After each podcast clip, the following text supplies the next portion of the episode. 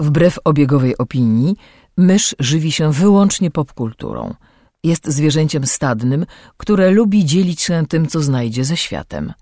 Jej naturalnym sposobem komunikacji jest przerywany śmiechem słowotok. Słuchacie podcastu Myszmasz.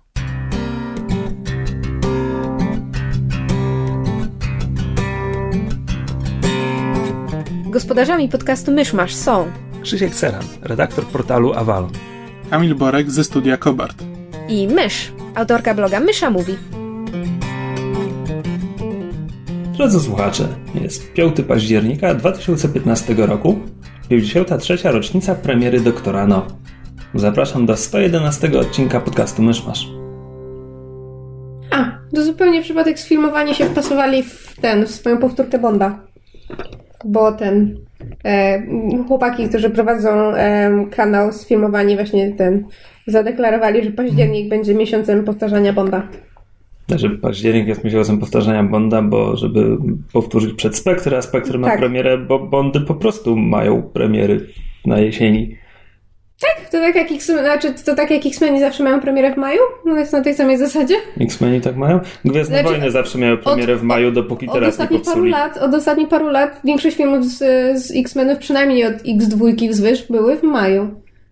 Hmm. No. W każdym razie my już mamy bilety kupione na Spectre. Czy Spectre. Nie, Spectre, po angielsku się Spectre mówi. Spekcier. Biorąc pod uwagę, jak nie lubisz Bondów z Craigiem, skąd ten entuzjazm? Bo naprawdę bardzo, pok- pokładam bardzo duże nadzieję w tym, że może mnie pozytywnie zaskoczą, ale tak naprawdę jestem więcej rezygnacji niż czegokolwiek innego. Ale to robią Skyfall dokładnie wszyscy ci ludzie to Skyfall. Wiem, i Skyfall było okej, to znaczy, m- umówmy się, mnie się od Casino Royale nie podoba kierunek, w którym idą Bondy, natomiast biorąc to wszystko pod uwagę, Skyfall był on tym, do którego miałam najmniej ansów, może w ten sposób. Nie wiem, trochę jestem sceptycznie nastawiona, bo nie, nie, nie pamiętam, czy już o tym podcaście mówiliśmy, bo minęły trzy tygodnie i mam sklerozę. W ostatnim podcaście mówiliśmy o tym, co myślisz o Bondach. A, widzisz.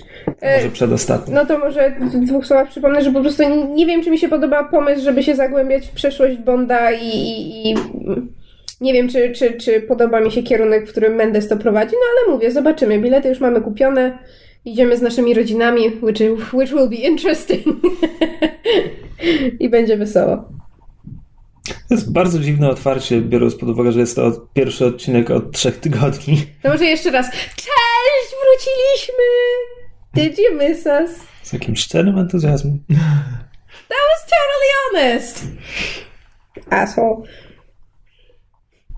No dobra, słuchajcie, długo nas nie było, więc mamy bardzo dużo do omówienia. Każdy z nas ma przed sobą listę rzeczy, które chciałby mówić, więc będzie- będziemy musieli zrobić jakoś ten. em, jak to się nazywa? Podział pracy. Nie. Plan pięcioletni. Nie, nie przebieżkę, nie przebiórkę. No będziemy musieli je Przegląd przebrać. Szybki. Tak, Teleekspres. ekspres Półtorej minuty na każdy temat i, i dalej. No dobra, Krzysiek, ty pierwszy, go! Czekaj, czy mamy jakieś newsy? Co Przez trzy tygodnie na pewno coś było, ale nie wiem, czy było coś interesującego. Właśnie Na tyle? próbuję sobie przypomnieć. Znaczy teraz poszedł jakiś news, że mają robić spin-offa Doctor Who, ale żadna z nas nie ogląda Doctor Who, więc chyba nas to nie obchodzi. Um, było rozdanie nagród Emmy, ale ja mam o tym notkę na blogu, więc jak A kogoś nas to nie interesuje, obchodzi. jakoś to interesuje, to może sobie przeczytać. Um, a, ogłosili wstępnie, że ma być reboot serialowy um, Zabójczej Broni i czegoś jeszcze. MacGyvera. Mogę że to słyszałem już jakiś czas temu. ale Zabójczej broni coś, coś, coś mi No się bo kołacze, ale... dzisiaj, dzisiaj albo wczoraj poszedł news. To tyle, co mi w tym momencie przychodzi do głowy. Moving on. Krzysztofie, co ostatnio pochłonąłeś? E, Przede wszystkim książki. E, Na przykład wczoraj skończyłem coś pod tytułem Gdy zawodzi grawitacja, albo kiedy, When Gravity Fails w oryginale, autorstwa George'a Aleka Effingera. I jest to powieść, e, George Alec Littlefinger. jest to powieść z 87 roku, czyli e, równolatka. E, I to jest książka, którą zgarnąłem na, na wymianie na targach książki, więc po prostu okładka mnie zainteresowała i nie wiedziałem o niej kompletnie nic. I teraz okładka wprowadza w tyle rodzajów błędu. znaczy. False advertising. Z przodu, z przodu mamy taki tagline mroczny cyberpunk w arabskim getcie. Tylko, że to nie jest w arabskim getcie, to jest w arabskim mieście, więc okej. Okay. Z tyłu z kolei bohater zostaje opisany jako prywatny detektyw, co też nie jest prawdą. No dobra, rzecz dzieje się w XXIII wieku e, w nienazwanym mieście, w nienazwanym regionie Bliskiego Wschodu. Jedyna konkretna nazwa, jaka pada, to, to Budain, to jest nazwa e, dzielnicy Czerwonych Latarni w tym mieście, w której toczy się większa, większa część akcji. Bohater to Marit Audran, który jest no właśnie, on nie jest prywatnym detektywem, ale jest takim trochę cwaniakiem do wynajęcia, bo zanim go wciągnie grubsza intryga, to jakby pierwsze zlecenie, jakie, jakie przyjmuje, to jest, żeby znaleźć jakiegoś tam zaginionego Rosjanina w tym mieście. E, to nie wychodzi, bo zaraz zleceniodawcę ktoś zabija. To jest jakby foreshadowing tej grubszej intrygi. Potem jedno, które też przyjmuje, zanim wplącze się w grubszą aferę, to jest, żeby e, pośredniczyć w negocjacjach prostytutki z jej Alfonsem, bo ona już nie chce u niego pracować. No czyli nie prywatny detektyw, ale faktycznie ktoś, kto rozwiązuje problemy innych. Cyberpunk, tak, to jest cyberpunk, ale jest to zaskakująco e, low-fi cyberpunk, to znaczy tam są komputery, ok, ale chyba nie ma internetu nawet. E, cyberpunkowość ogranicza się do tego, że operacje plastyczne są na bardzo zaawansowanym poziomie, medycyna jest na bardzo zaawansowanym poziomie. Jak to nie ma internetu? Znaczy, jak w 2000, którym tam 300, 30? No, 23 wiek chyba. I nie ma internetu, a co jest? Autor pisał w 1987. No są, są komputery, na, na, sta, na komisariacie jest komputer z bazą danych. No dobra, przegapiłem to, że to jest stara książka, dobra, nie, nie, nie, nie wiedziałem. Nie słuchałeś po prostu. E... No właśnie. E, no w każdym razie ostatecznie grubsza intryga polega na tym, że w tej dzielnicy Czerwonych Latarni krąży zabójca i to taki nie dość, że seryjny, to jeszcze psychopatyczny, bo zostawia ofiary w strasznym stanie, a przynajmniej niektóre ofiary, więc zachodzi podejrzenie, że może być dwóch morderców. Ogólnie bardzo to jest... E... Ala Kuba rozpruwacz. Nie, właśnie też, ale nie do końca. Zaraz do tego wrócimy. W każdym razie książka jest dziwnie skonstruowana, bo to jest czarny kryminał, tylko że bohater nie jest detektywem i tak naprawdę on się ostatecznie w tą grubszą aferę daje wplątać w dwóch trzecich książki. Jakby strasznie dużo czasu po prostu obserwujemy jego życie i, to, i tą dzielnicę i to jest całkiem fajne. I teraz wreszcie e, główny element cyberpunkowy w tej powieści. Mm, są wszczepy, ale wszczepy polegają na tym, że ludzie wszczepiają sobie rozszerzenia do mózgu, sloty, które pozwalają na załadowanie różnych kart pamięci, nazwijmy to. I... I know kung fu. Mm, no właśnie, również, ale są dwa rodzaje takich rozszerzeń. Są, uważajcie, mody i dady. E, I dady to są właśnie I know kung fu. Możesz sobie załadować kartę z językiem e, holenderskim, czy, czy właśnie ze znajomością sztuki walki, czy coś takiego. Mody natomiast kompletnie nadpisują Twoją osobowość. Tak, że możesz sobie e, wszczepić moda, żeby, żeby poczuć i zachowywać się jak jakiś znany aktor albo jakaś słynna osoba, po prostu być tą osobą przez, przez jakiś czas. Hmm. I popularne są również mody na podstawie postaci fikcyjnych. I tu dochodzimy do czegoś, czego do końca nie ogarniam, bo zabójca posługuje się modem Jamesa Bonda. Więc nasz, nasz bohater bije się z Jamesem Bondem i tropi Jamesa Bonda. I jest to bardzo, bardzo dziwne. Pojawia się również. E... Znaczy, to czemu ten James Bond jest psychopatą? Znaczy, jeśli nadpisuje całą osobowość? Znaczy, no właśnie to jest pytanie, czy nadpisuje całą, czy nie do końca. Potem, potem w drugiej części książki widzimy, jak nasz bohater, który się bardzo temu sprzeciwiał, w końcu podłącza sobie wszczepy i, i ładuje sobie moda. I to jest tak jakby nie do końca opisane. Jakby, że możesz pokierować tą osobowością tak, żeby robiła to, co ty chcesz robić. Mhm. Najwyraźniej. No ale tak, jakby James Bond jest, jest przeciwnikiem przez sporą część książki. Pojawia się również e, Nero Wolf, który jest detektywem z amerykańskich powieści z lat 30. A, Wiesz co, to brzmi trochę jakby to napisał ten człowiek od Ready Player One. Ernest Klein. Ernest Klein, tak. To jakby pomysł, pomysł jest taki, e, jakby, to, jakby to wcisnąć jak najwięcej popkultury. Ale właśnie rzecz, rzecz w tym, że to wcale nie jest jak najwięcej popkultury, bo poza tym, że James Bond gra bardzo ważną rolę w tej powieści i Nero Wolf jest postacią trzecioplanową, to ich tam nie ma. Nie ma tam, że inni ładują sobie kapitana Kirka, a ten jest Picardem, ale nie, to sobie jakby jest James Bond, Nero Wolf i tam jeszcze jest wymienione parę takich modów, ale to już są jakby postaci fikcyjne, wymyślone przez tego autora. E, Wow! Po co? znaczy, postać fikcyjna w świecie, nieważne. No, znaczy rozumiem, tak, tylko że właśnie po czemu się posługiwać fikcyjnymi postaciami, fikcyjnymi, fikcyjnymi postaciami, jeśli można było zaczerpnąć te postaci No skądś. bo mm, szczerze mówiąc, jakby, jakby tam było więcej niż ten James Bond i Nara Wolf, którego nie znałem, dopóki go nie wygooglałem, to mi by zaczęło to przeszkadzać, szczerze mówiąc. No, nie wiem, No, jakby może, ja tak. jestem zadowolony z, z tego, że to jest w miarę szczelnie za, zastosowane. W każdym razie, dobrze się to czyta. Tłumaczenie jest... Mm, Mam pewne zastrzeżenia, parę, parę rzeczy jest zbyt dosłownie przetłumaczonych, ale okej, daję, daję radę. E, Natomiast rozumiem, rozumiem, czemu autor Blurbu na okładce tak pisał o tym czarnym kryminale i prywatnym detektywie, bo na przykład na początku ma, widać, że autor lubił Chandlera, bo na początku, kiedy przedstawia bohatera, pojawiają się niemalże cytaty z Chandlera opisujące Filipa Marlowa.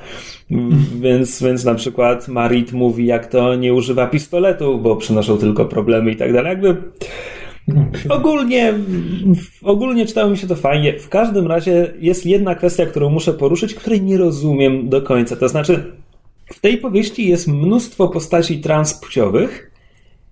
Ja przeczytałem całą książkę i nie wiem, czy to jest e, dowód, dowód otwartości autora, czy to jest jakiś fetysz? No bo z jednej strony na przykład dziewczyna, dziewczyna e, bohatera jest właśnie po, po takiej zmianie. E, I to jest przedstawione jako normalna relacja e, głównego bohatera z kobietą, jakby spoko. W pewnym momencie się kłócą i jakby tak się bardzo ciężko kłócą i właśnie główny bohater wyrzuca jej od kastratów, no ale jakby w następnym, w następnym paragrafie zdaje sobie sprawę, z, jakie to było podłe i w ogóle How dare he? tak, tak. I, i przepraszają się i, i tak dalej. Z drugiej strony jest tam postać, która. mm, Inna postać, z którą bohater śpi, bo to, że on kocha swoją dziewczynę, nie znaczy, że jest wierny. E, której mówi, jak to od jak, od jak dawna nie spał e, z oryginalną kobietą, a która zostawia mu potem nad ranem liścik w stylu, wiesz, tam coś, że dziękuję za noc, e, Trudy, a tak naprawdę tam George coś tam, coś tam, coś tam, czy naprawdę się nie zorientowałeś. I w tym momencie już, okej, nie, co?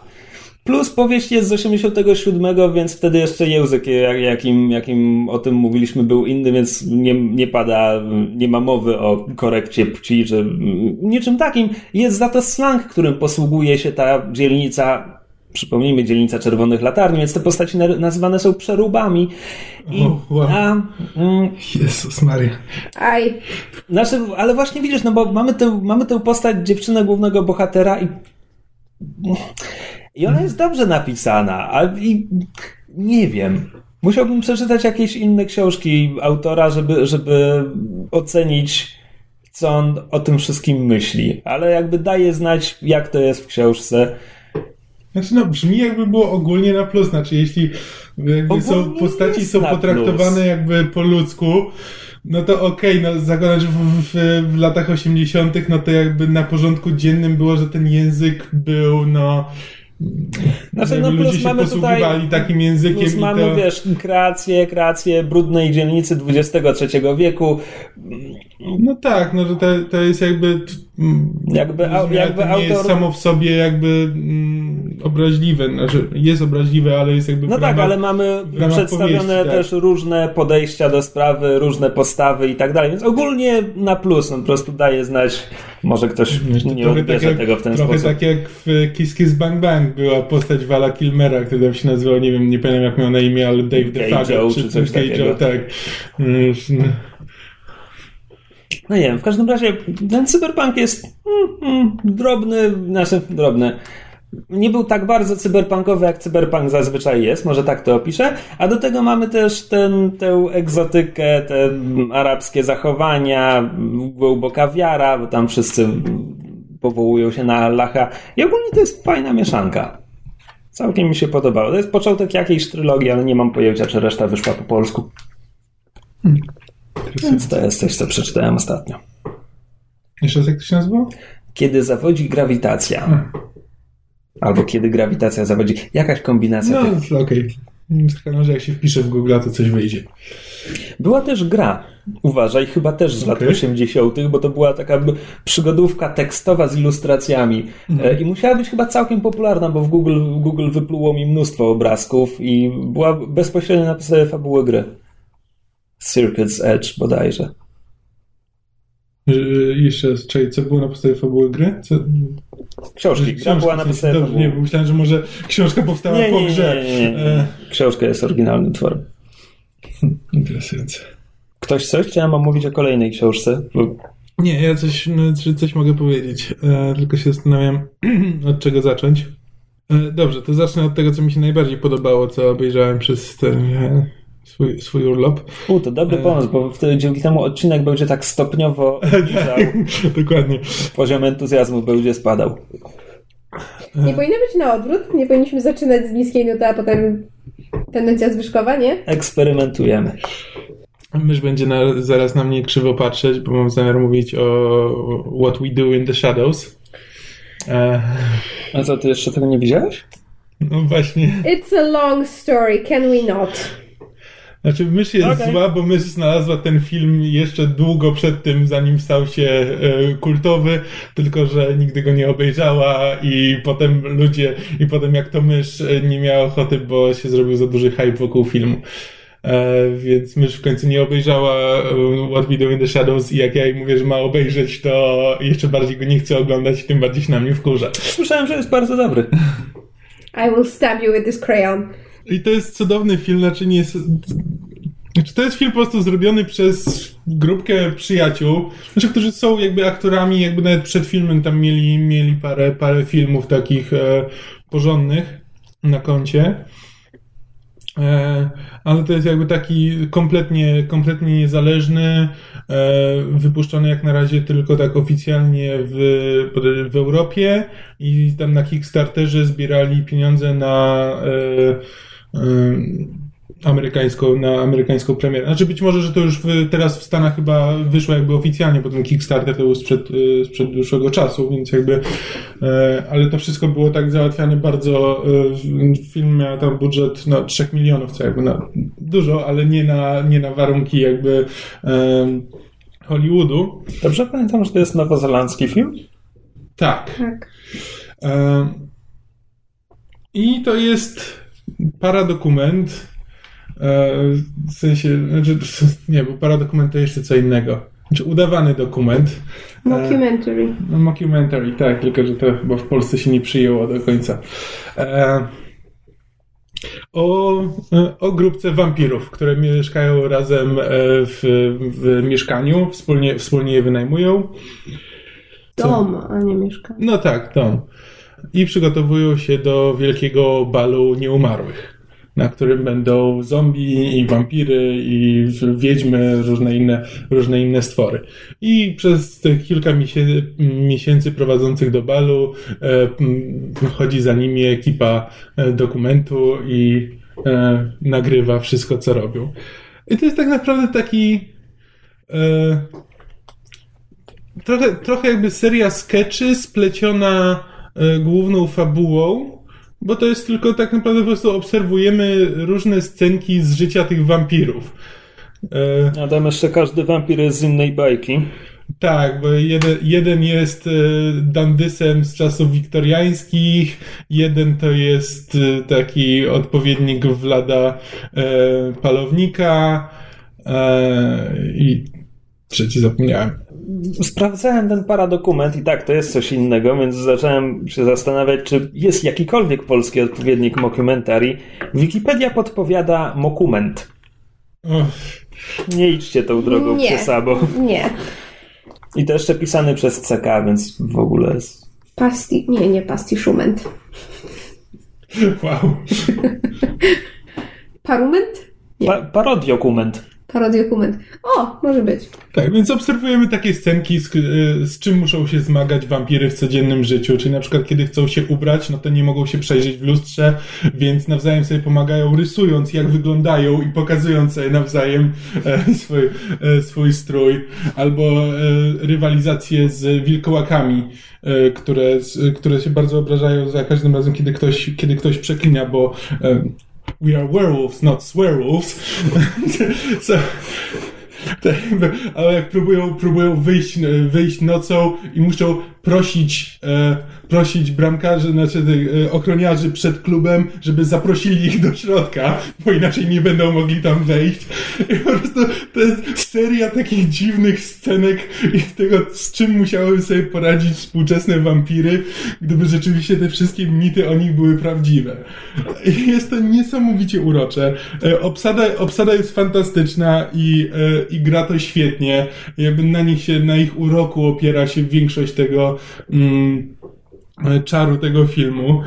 E, I po prostu jest nieustająco, nieustająco śmieszne, jakby nie przestaje, jakby w te, tego typu filmy bardzo często cierpią na to, że ktoś miał fajny pomysł jakby pierwsze 15 minut oglądasz e, z wypiekami na twarzy, bo jest super, co za chwilę pe- w sumie mogę teraz powiedzieć, bo obejrzałem też Dystrykt 9, który jakby powstał na podstawie krótkiego e, Ale nie po raz pierwszy, proszę. nie, nie, e, powtórzyłem sobie, ale Dystrykt 9 powstał na podstawie krótkiego filmu, który właśnie, no, co by było, gdyby e, kosmici przylecieli i jakby z, i nie, nie, mieli, nie mieli co ze sobą zrobić i zrobimy, zrobimy z kosmitów e, metaforę apartheidu.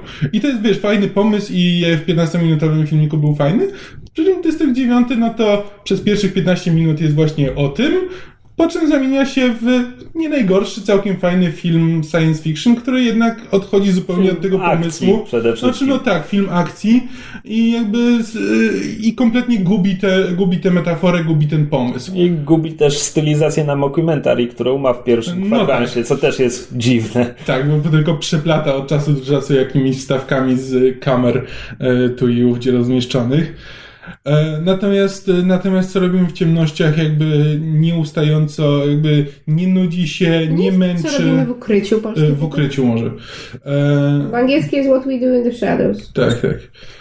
Więc e, ten, e, ten koncept wykorzystuje w pełni i rzeczywiście zatrzymuje przed ekranem przez pełne półtorej godziny. E, I bardzo go polecam, bo jest to jedna z najlepszych rzeczy, jakie widziałem i być może e, stanie się jeden z moich ulubionych filmów w ogóle. E, to skoro mówimy o rzeczach dobrych, to ja może powiem o, o, o rzeczy dobrej, która mnie zaskoczyła. To znaczy, w sensie, nie spodziewałam się, że, że będę tak um, mile zaskoczona. Wow. Mhm. To ostatnie było bez sensu. E, le- Wciąż, wciąż, wciąż próbujesz zrobić segway. tak. Przejdź już do... do... Nie, nie próbuję zrobić segwaya, tylko po prostu zgubiłam się w gramatyce. E, na fali teraz ostatnich pilotów e, jednym z nich był... em, Mysz w labiryncie gramatyki. nie, cholera, znowu się skupiłam. What's wrong with me today? Albo będzie tytuł. What's with today today? Em, na fali oglądania nowych seriali sięgnęłam namówiona przez e, Jerego z e, Jerry's Tales e, po serial Scream, oparty na serii e, filmów Krzyk Wesa Cravena, świętej pamięci. E, I jakby wiedziałam o tej serii wcześniej i zamierzałam po nią sięgnąć, ale byłam lekko sceptycznie nastawiona, no bo po pierwsze to jest serial MTV i mimo mojej dużej sympatii do MTV Teen i... Wolf nie jest serialem MTV? Tak, ale właśnie, bo to jest tak, że ja jakby ba- bardzo dużą sympatią darzę seriale MTV, jakby coraz większym szacunkiem darzę samą stację, to jak właśnie prowadzą em, jakby swój, nie wiem, model biznesowy. Ale znaczy, wciąż jej nie ufasz? tak, wciąż jednak podchodzę do tego z pewnym wahaniem, no bo prawda, te lata oglądania jednym okiem Tilly wszystkich... Tequili. Tak, Tilly Tequili i My Super Sweet 16 zrobiły swoje i trochę mnie skrzywiły. Em, a poza tym drugi, drugi, drugi jakby powód mojego wahania wynikał z tego, że no jednak Krzyk to jest bardzo specyficzna seria filmów, żeśmy już chyba kiedyś w podcaście mówili, bo ja chyba kiedyś powiedziałam tekst pod tytułem, że jeżeli ktoś nie lubi krzyku, to znaczy, że jest głupi. Jakiś słuchacz się bardzo zdenerwował i potem musiałam się z tego tłumaczyć i odszczekać. Znaczy nadal, nadal utrzymuję, że... że... Wydaje mi się, że powiedziałeś, że jeśli ktoś nie lubi krzyku, to nie są ludzie. Może. Nie, nie wiem, jak to powiedziałam, w każdym razie... e, e, bardziej, że głupi, nie, nie. powiedziałaś tak. W każdym razie... e, e, Jeśli ktoś nie lubi krzyku, mamy prawo odebrać im ziemię. Cicho. E, Za znaczy, chwilę będę mówił o The Man in the High Castle, to jeszcze będziesz miał okazję sobie parę, parę haseł rzucić. e, no, ja w każdym razie darzę e, serię Krzyk bardzo dużym e, szacunkiem i, i, i podziwem i sympatią. E, I, I naprawdę uważam, że to jest seria, która jakby zasługuje na, na uznanie i, i zasługuje na swoje miejsce w jakby panteonie popkultury i dość znacząco wpłynęła na, na gatunek jakby Znaczy, na, na specyficzny podgatunek y, horroru, właśnie takiego trochę bardziej meta, niekoniecznie traktującego się w 100% serio. I bardzo się obawiałam tego serialu, no bo bałam się, że jednak serial, prawda, w, w e, format iluś tam odcinków e, trudno jest utrzymać to samo napięcie i ten sam poziom meta, które na przykład miały filmy, których było cztery i które są o tyle ciekawe, że jakby każdy z nich znaczy, nie, nie, wszystkie są może tej samej jakości, natomiast każdy ma swoje, każdy ma swoje wady i na przykład dla mnie em, czwarty krzyk, który wyszedł, nie pamiętam, 10 lat po, po ostatnim filmie z tej serii, czyli jakby w już zupełnie innej, prawda, epoce tam, nie wiem, społecznej i jakby w innym okresie popkultury, więc zupełnie z czym innym e, musiał sobie poradzić, no bo właśnie krzyk sobie żartuje z, z, z klisz horrorowych. E, A mimo to Krzyk Czwórka był naprawdę, naprawdę dobrym filmem, więc jakby serial miał em, ten wysoko, wysoko zawieszoną poprzeczkę. Natomiast Jerry powiedział, że, że, jest, że, że nie jest tak źle, jak, jak się obawiam. E, I rzeczywiście pochłonęłam, pochłonęłam 10 odcinków właściwie w jedną dobę, bo, bo zasiadłam do pierwszego odcinka z, z wahaniem, po czym po tam 45 minutach I was hooked i, i po prostu musiałam oglądać dalej, więc potem następnego dnia wróciłam z pracy i obejrzałam resztę do końca. I to jest właśnie serial, który rozwiał jakby wszelkie moje, rozwiał wszelkie moje obawy związane z, z właśnie jakby z kontynuowaniem tradycji krzyku jako serialu, bo znaczy, po, po pierwsze jest bardzo um, dobrze napisany, y, mimo że jakby dotyczy życia nastolatków i w jakimś tam stopniu um, stara się um, poruszać, prawda, codzienne problemy nastolatków, typu, no, nie wiem, szkoła, hormony, przyjaźnie, um, bullies, znęcanie się, kwestie orientacji i tak dalej. To, to mimo wszystko jakby nie, nie zbacza za bardzo w stronę takiej e, teen dramy. Co, co też jest jakby mam wrażenie wyróżnikiem ostatnich seriali MTV, że oni mimo, że produkują seriale młodzieżowe, to jakby nie robią z tego em, głównego, głównego punktu, punktu zaczepienia. E, Natomiast jest też bardzo fajnie napisane pod względem właśnie tego, jak prowadzi wątki tego horroru, bo co prawda e, serial Krzyk nie, nie dotyczy tych samych e, postaci, ani to nie jest ten sam morderca, czyli tak zwany Ghostface, którego znamy z oryginalnego Krzyku. Jest nowy morderca, jest nowe miasteczko, jest, jest nowa fabuła.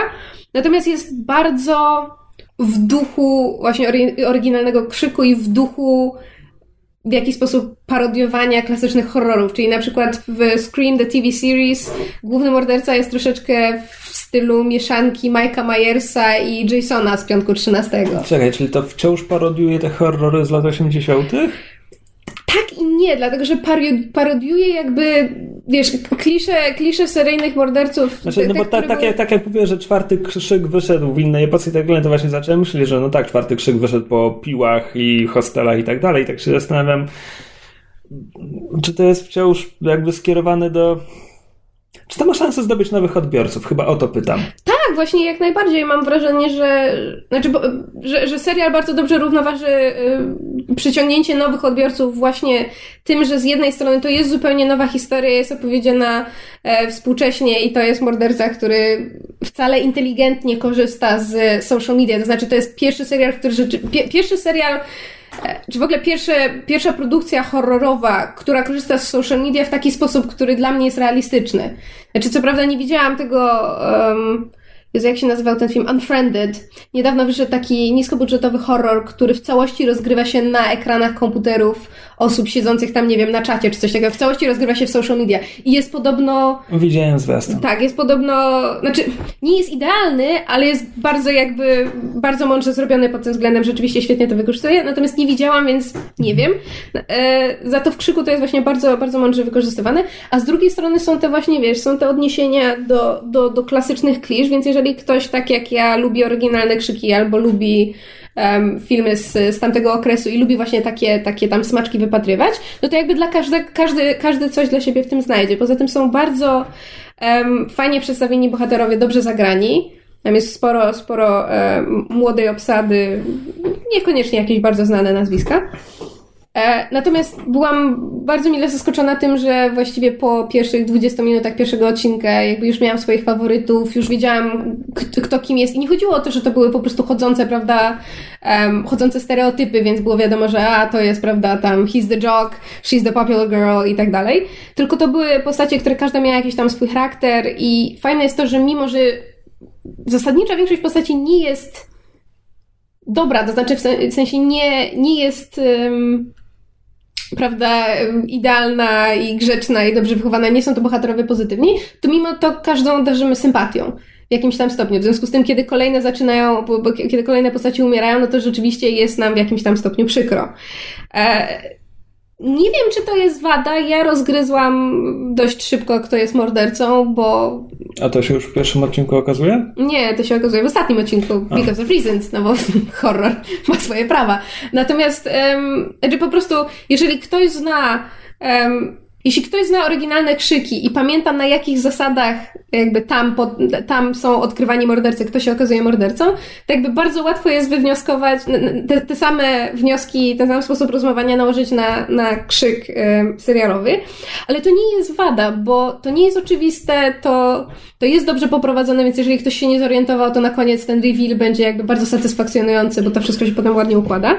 Ale to, co dla mnie jest najważniejsze, to jest y, poziom meta, czyli właśnie to, to, czego się najbardziej obawiałam, że Krzyk jako serial nie będzie w stanie e, pokazać ze względu na właśnie odcinkową formułę i to, że w każdym odcinku ktoś musi zginąć, bo inaczej to jest e, e, prawda, publiczność odejdzie, no bo teraz w serialach bardzo lubią zabijać kolejne postaci.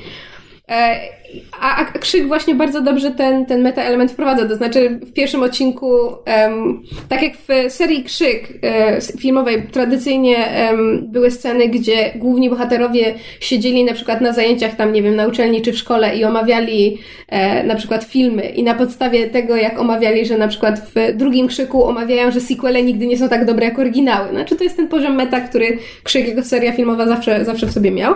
Natomiast w Krzyk The TV Series, pierwszy, w pierwszym odcinku właśnie grupa dzieciaków w liceum siedzi na zajęciach z literatury angielskiej i zaczynają omawiać właśnie to, że teraz wszystko jest serializowane, że wszystko jest zamieniane w serial. I dokładnie omawiają to, że na przykład, że przerobienie horroru na serial nie działa, dlatego że i tutaj wymieniają powody. Więc to jest serial, który bardzo dobrze wie, czym jest i do jakich zasad musi się stosować, a z jakich sobie może e, robić żarty, żeby, żeby to działało. Więc jeżeli lubicie um, horrory, jeżeli chcecie obejrzeć dobry serial horrorowy, który nie jest przekombinowany, jak American Horror Story, e, albo lubicie e, oryginalną serię Krzyk, to, to Krzyk The TV Series jest naprawdę dobry i zostawia bardzo fajny cliffhanger. No myśmy, no myśmy z Jerem przez chyba dwie godziny potem na, na czacie jeszcze gadali i spekulowali na temat tego, jak się będzie toczył kolejny sezon, bo cliffhanger jest naprawdę dobry. O! Cóż jeszcze można dodać? Druga książka, którą przeczytałem przez te ostatnie tygodnie, mm, w ramach powtarzania sobie Pratchetta przeczytałem Potworny Regiment, Monstrous Regiment, bo pamiętałem, że bardzo mi się podobało, jak czytałem 8 lat temu tę pozycję i chciałem sprawdzić, czy, e, czy wciąż będzie mi się podobać. E, I tak, tak, polecam, bardzo dobra. Następny. E, a poważnie, książka, bohaterka Polly Perks zaciąga się do armii w kraiku, który nie przyjmuje kobiet do armii, więc w tym celu podszywa się pod mężczyznę czy młodego chłopaka, by odnaleźć swojego brata, który poszedł na wojnę tam jakiś czas wcześniej i nie wrócił i nie wiadomo co się z nim dzieje. E, kraik jest mały, biedny i otoczony przez wrogów, głównie na własne życzenie. E, dominująca religia jest strasznie konserwatywna i, i no, ma jakby bardzo, bardzo ciasne e, ramy odpowiednich zachowań wyznacza, wyznacza swoim wiernym. Państewko ma wrogów wszędzie dookoła obecnie jest pogrążone w wojnie z innym o równie śmiesznej nazwie, bo hej, Pratchett, e, które jest popierane przez Ankh-Morpork, e, bo no, bo powody. E, Ankh-Morpork jest tutaj przedstawione jako taka Ankh-Morpork jest tutaj Ameryką. Jest, jest po prostu imperialistycznym, imperialistyczną siłą, która, która toczy swoje wojny przy, przy pomocy innych i w zasadzie mówi im, co mają robić tak żeby, tak żeby to Ankh-Morpork pasowało i żeby Ankh-Morpork nie traciło pieniędzy. A...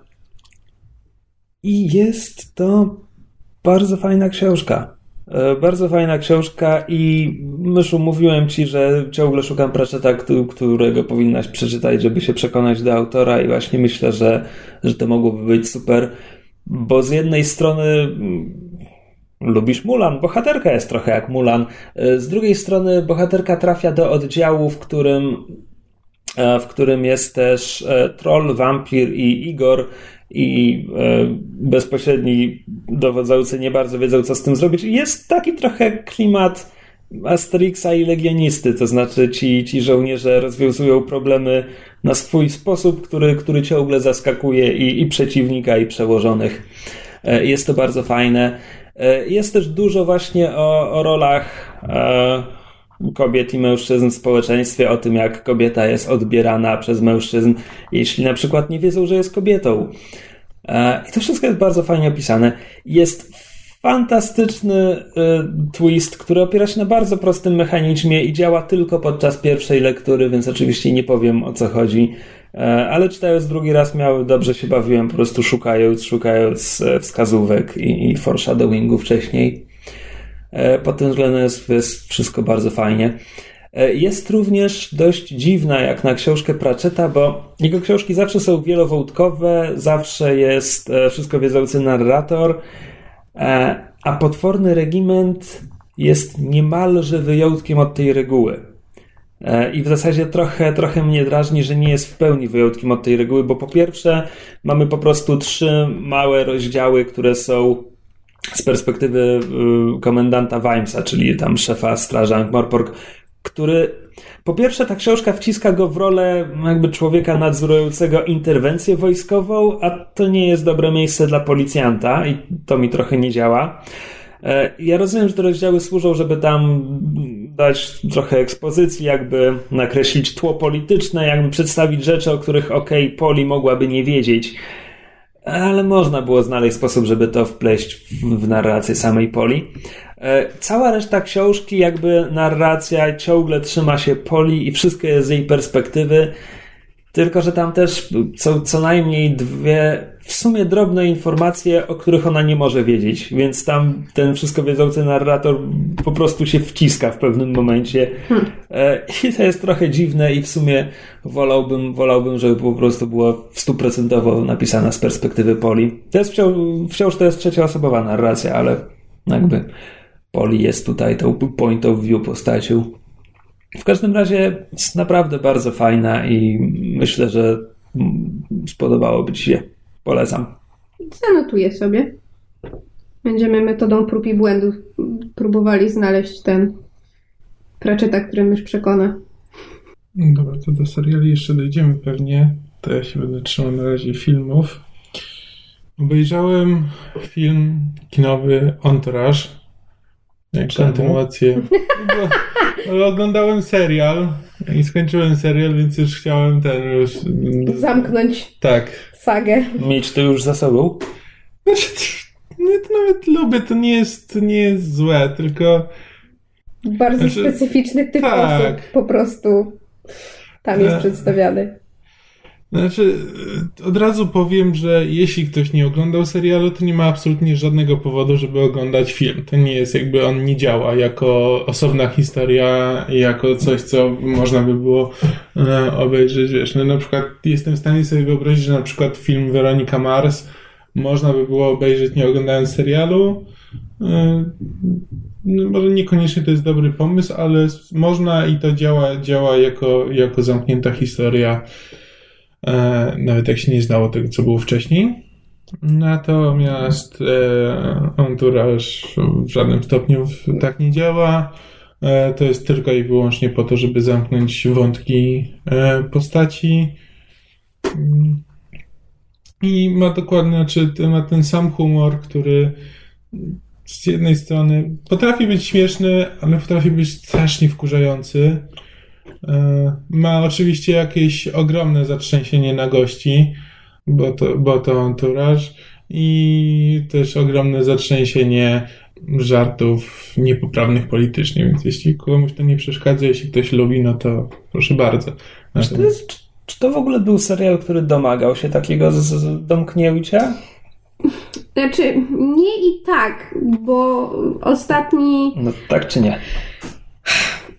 Nie, nie był tego wart, natomiast tak troszeczkę się domagał, dlatego że ostatni, nie pamiętam jak to było z ostatnim sezonem serialu, czy oni się bardzo nagle dowiedzieli, że to jest koniec No i nie tak. będzie więcej, po prostu musieli, trochę tak jak z Pushing Daisies, musieli na szybko skończyć, w związku z Tak, tym i zrobili miałeś... to bardzo źle, więc Tak. jakby e, cofnęli trochę sytuację. Znaczy, wiesz, nagle dali głównemu bohaterowi jakąś wielką miłość, z którą Znaczy nie, się inaczej, miał ożenić. nie, to E, inaczej, to było tak, że on tam przez tam cały ostatni sezon, który był chyba nawet krótszy niż, niż poprzedni, był skrócony, że tam z jakąś, jak, jakaś dziennikarka mu się naprzykrzała i on cały czas ją próbował do siebie przekonać, a ona go cały czas odtrącała. I potem w ostatnim odcinku oni się tam chyba zaręczają, bo się okazuje, że to była wielka miłość to zawsze. Albo tam inny bohater z kolei rozstał się ze swoją kobietą, bo doszli do wniosku, że między nimi nie, nic nie może się ułożyć, że to it, it won't work, a potem na, w ostatnim odcinku się schodzą, bo jednak to jest wielka miłość. No po prostu tak chamsko na siłę zak- po, pozakańczali wątki, że, że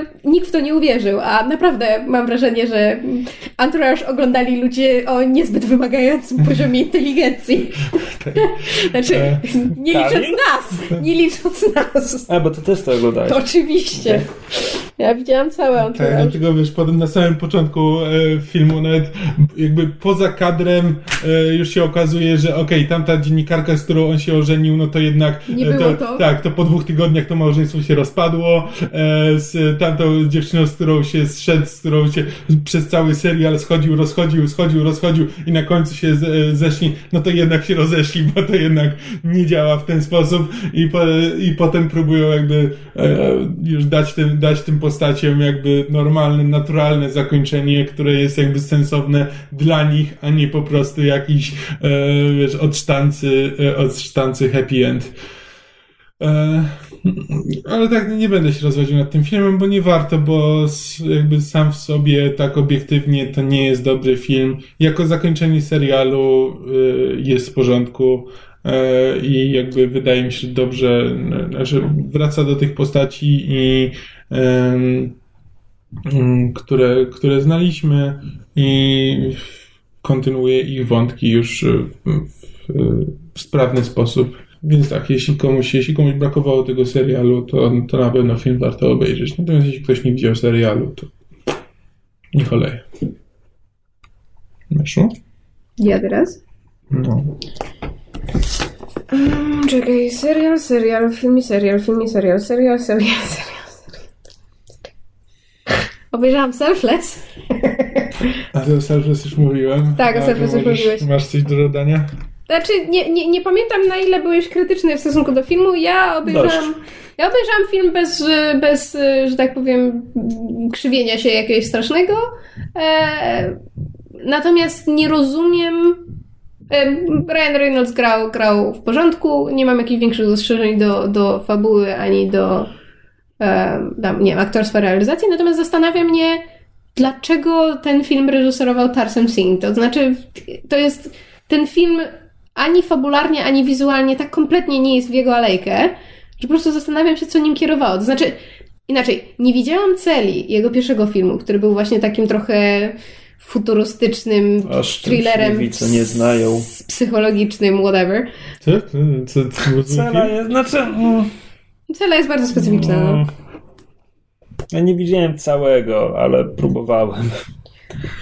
No w każdym razie mam wrażenie, że jeżeli do czegokolwiek Selfless e, jakby klimatem e, próbowało nawiązać, to właśnie do celi, a to nie jest chyba ten kierunek, w którym Sing powinien iść, bo jego bardziej, że tak powiem, em, wizualnie olśniewające filmy typu e, The Fall, czy przepraszam, czy Mirror Mirror, czy nawet już to cholerne Immortals, wizualnie było e, jakby, znaczy wizualnie było widać, prawda, co, co reżyser próbuje powiedzieć, było widać jego, jego specyficzne wyczucie stylu, em, jakiś tam artyzm, natomiast w Selfless tego w ogóle nie widzę, więc po prostu nie wiem, nie wiem po co. Ale film nie był, nie był jakiś super fatalny. Dobrze się bawiłam. To jest cytat na plakaty. Nie jest super fatalny. Znaczy, no to, to jest mniej więcej to, co ja mówiłem, no, że film, tylko że po prostu też nie, nie zmęczył mnie bardzo, tylko że też nie wiem po co. E, tylko, że ja to nie wiem po co, jakby oceniam surowiej niż mysz prawdopodobnie, nie? Tak. Nie zmęczył mnie bardzo. Dwie gwiazdki. E, natomiast z innych rzeczy, e, ostatnio przede wszystkim oglądałam piloty seriali i seriale powracające, ale do tego przejdziemy chyba na koniec. Będziemy mieli jakiś taki dłuższy segment. Nie, nie wiem, jakiś Wcale nie quick, jestem pewien, czy my mamy jeszcze round. dużo... Prze... Znaczy, ja już mogę przejść do seriali, jeśli Aha. o mnie chodzi. To, Ja to, mam jeszcze gry. E, to, może, tak. to może powiedz o grach, a ja potem zrobię segway z, z dwoma filmami, które, które, ten, które obejrzałam w ramach, w ramach seriali. Się uparłaś Wow. na te segwaye. Dobrze, to ja jeszcze opowiem o paru grach. E, Postaram się to zrobić w miarę szybko, bo sobie powtórzyłem parę rzeczy, których, e, które już wcześniej znałem, typu Alpha Protocol, o którym Krzysiek wspominał niedawno i zainspirował mnie do tego, żeby, e, żeby sobie tę grę powtórzyć, bo jakby jego doświadczenie nie do końca pokrywało się z tym, co ja do tej grze pamiętam. E, I jakby okazuje się, że po prostu jakby z Krzyśkiem się nie do końca zgadzam, bo na przykład... E, Divorce. Tak, znaczy e, jakby zgadzam się ze, ze wszystkim, że tak, to nie, jest, to nie jest dobra gra. Zgadzam się ze wszystkim, ale nie zgadzam się ze wszystkim. Tak, e, jakby zgadzam się ze wszystkim, co Krzysiek powiedział, ale wyciągam z tego jakby inne wnioski. A, E. widzisz, Kubusiu. Takie buty. Gra jest fatalna. E, Przepraszam, ale to jest fantastyczny początek recenzji.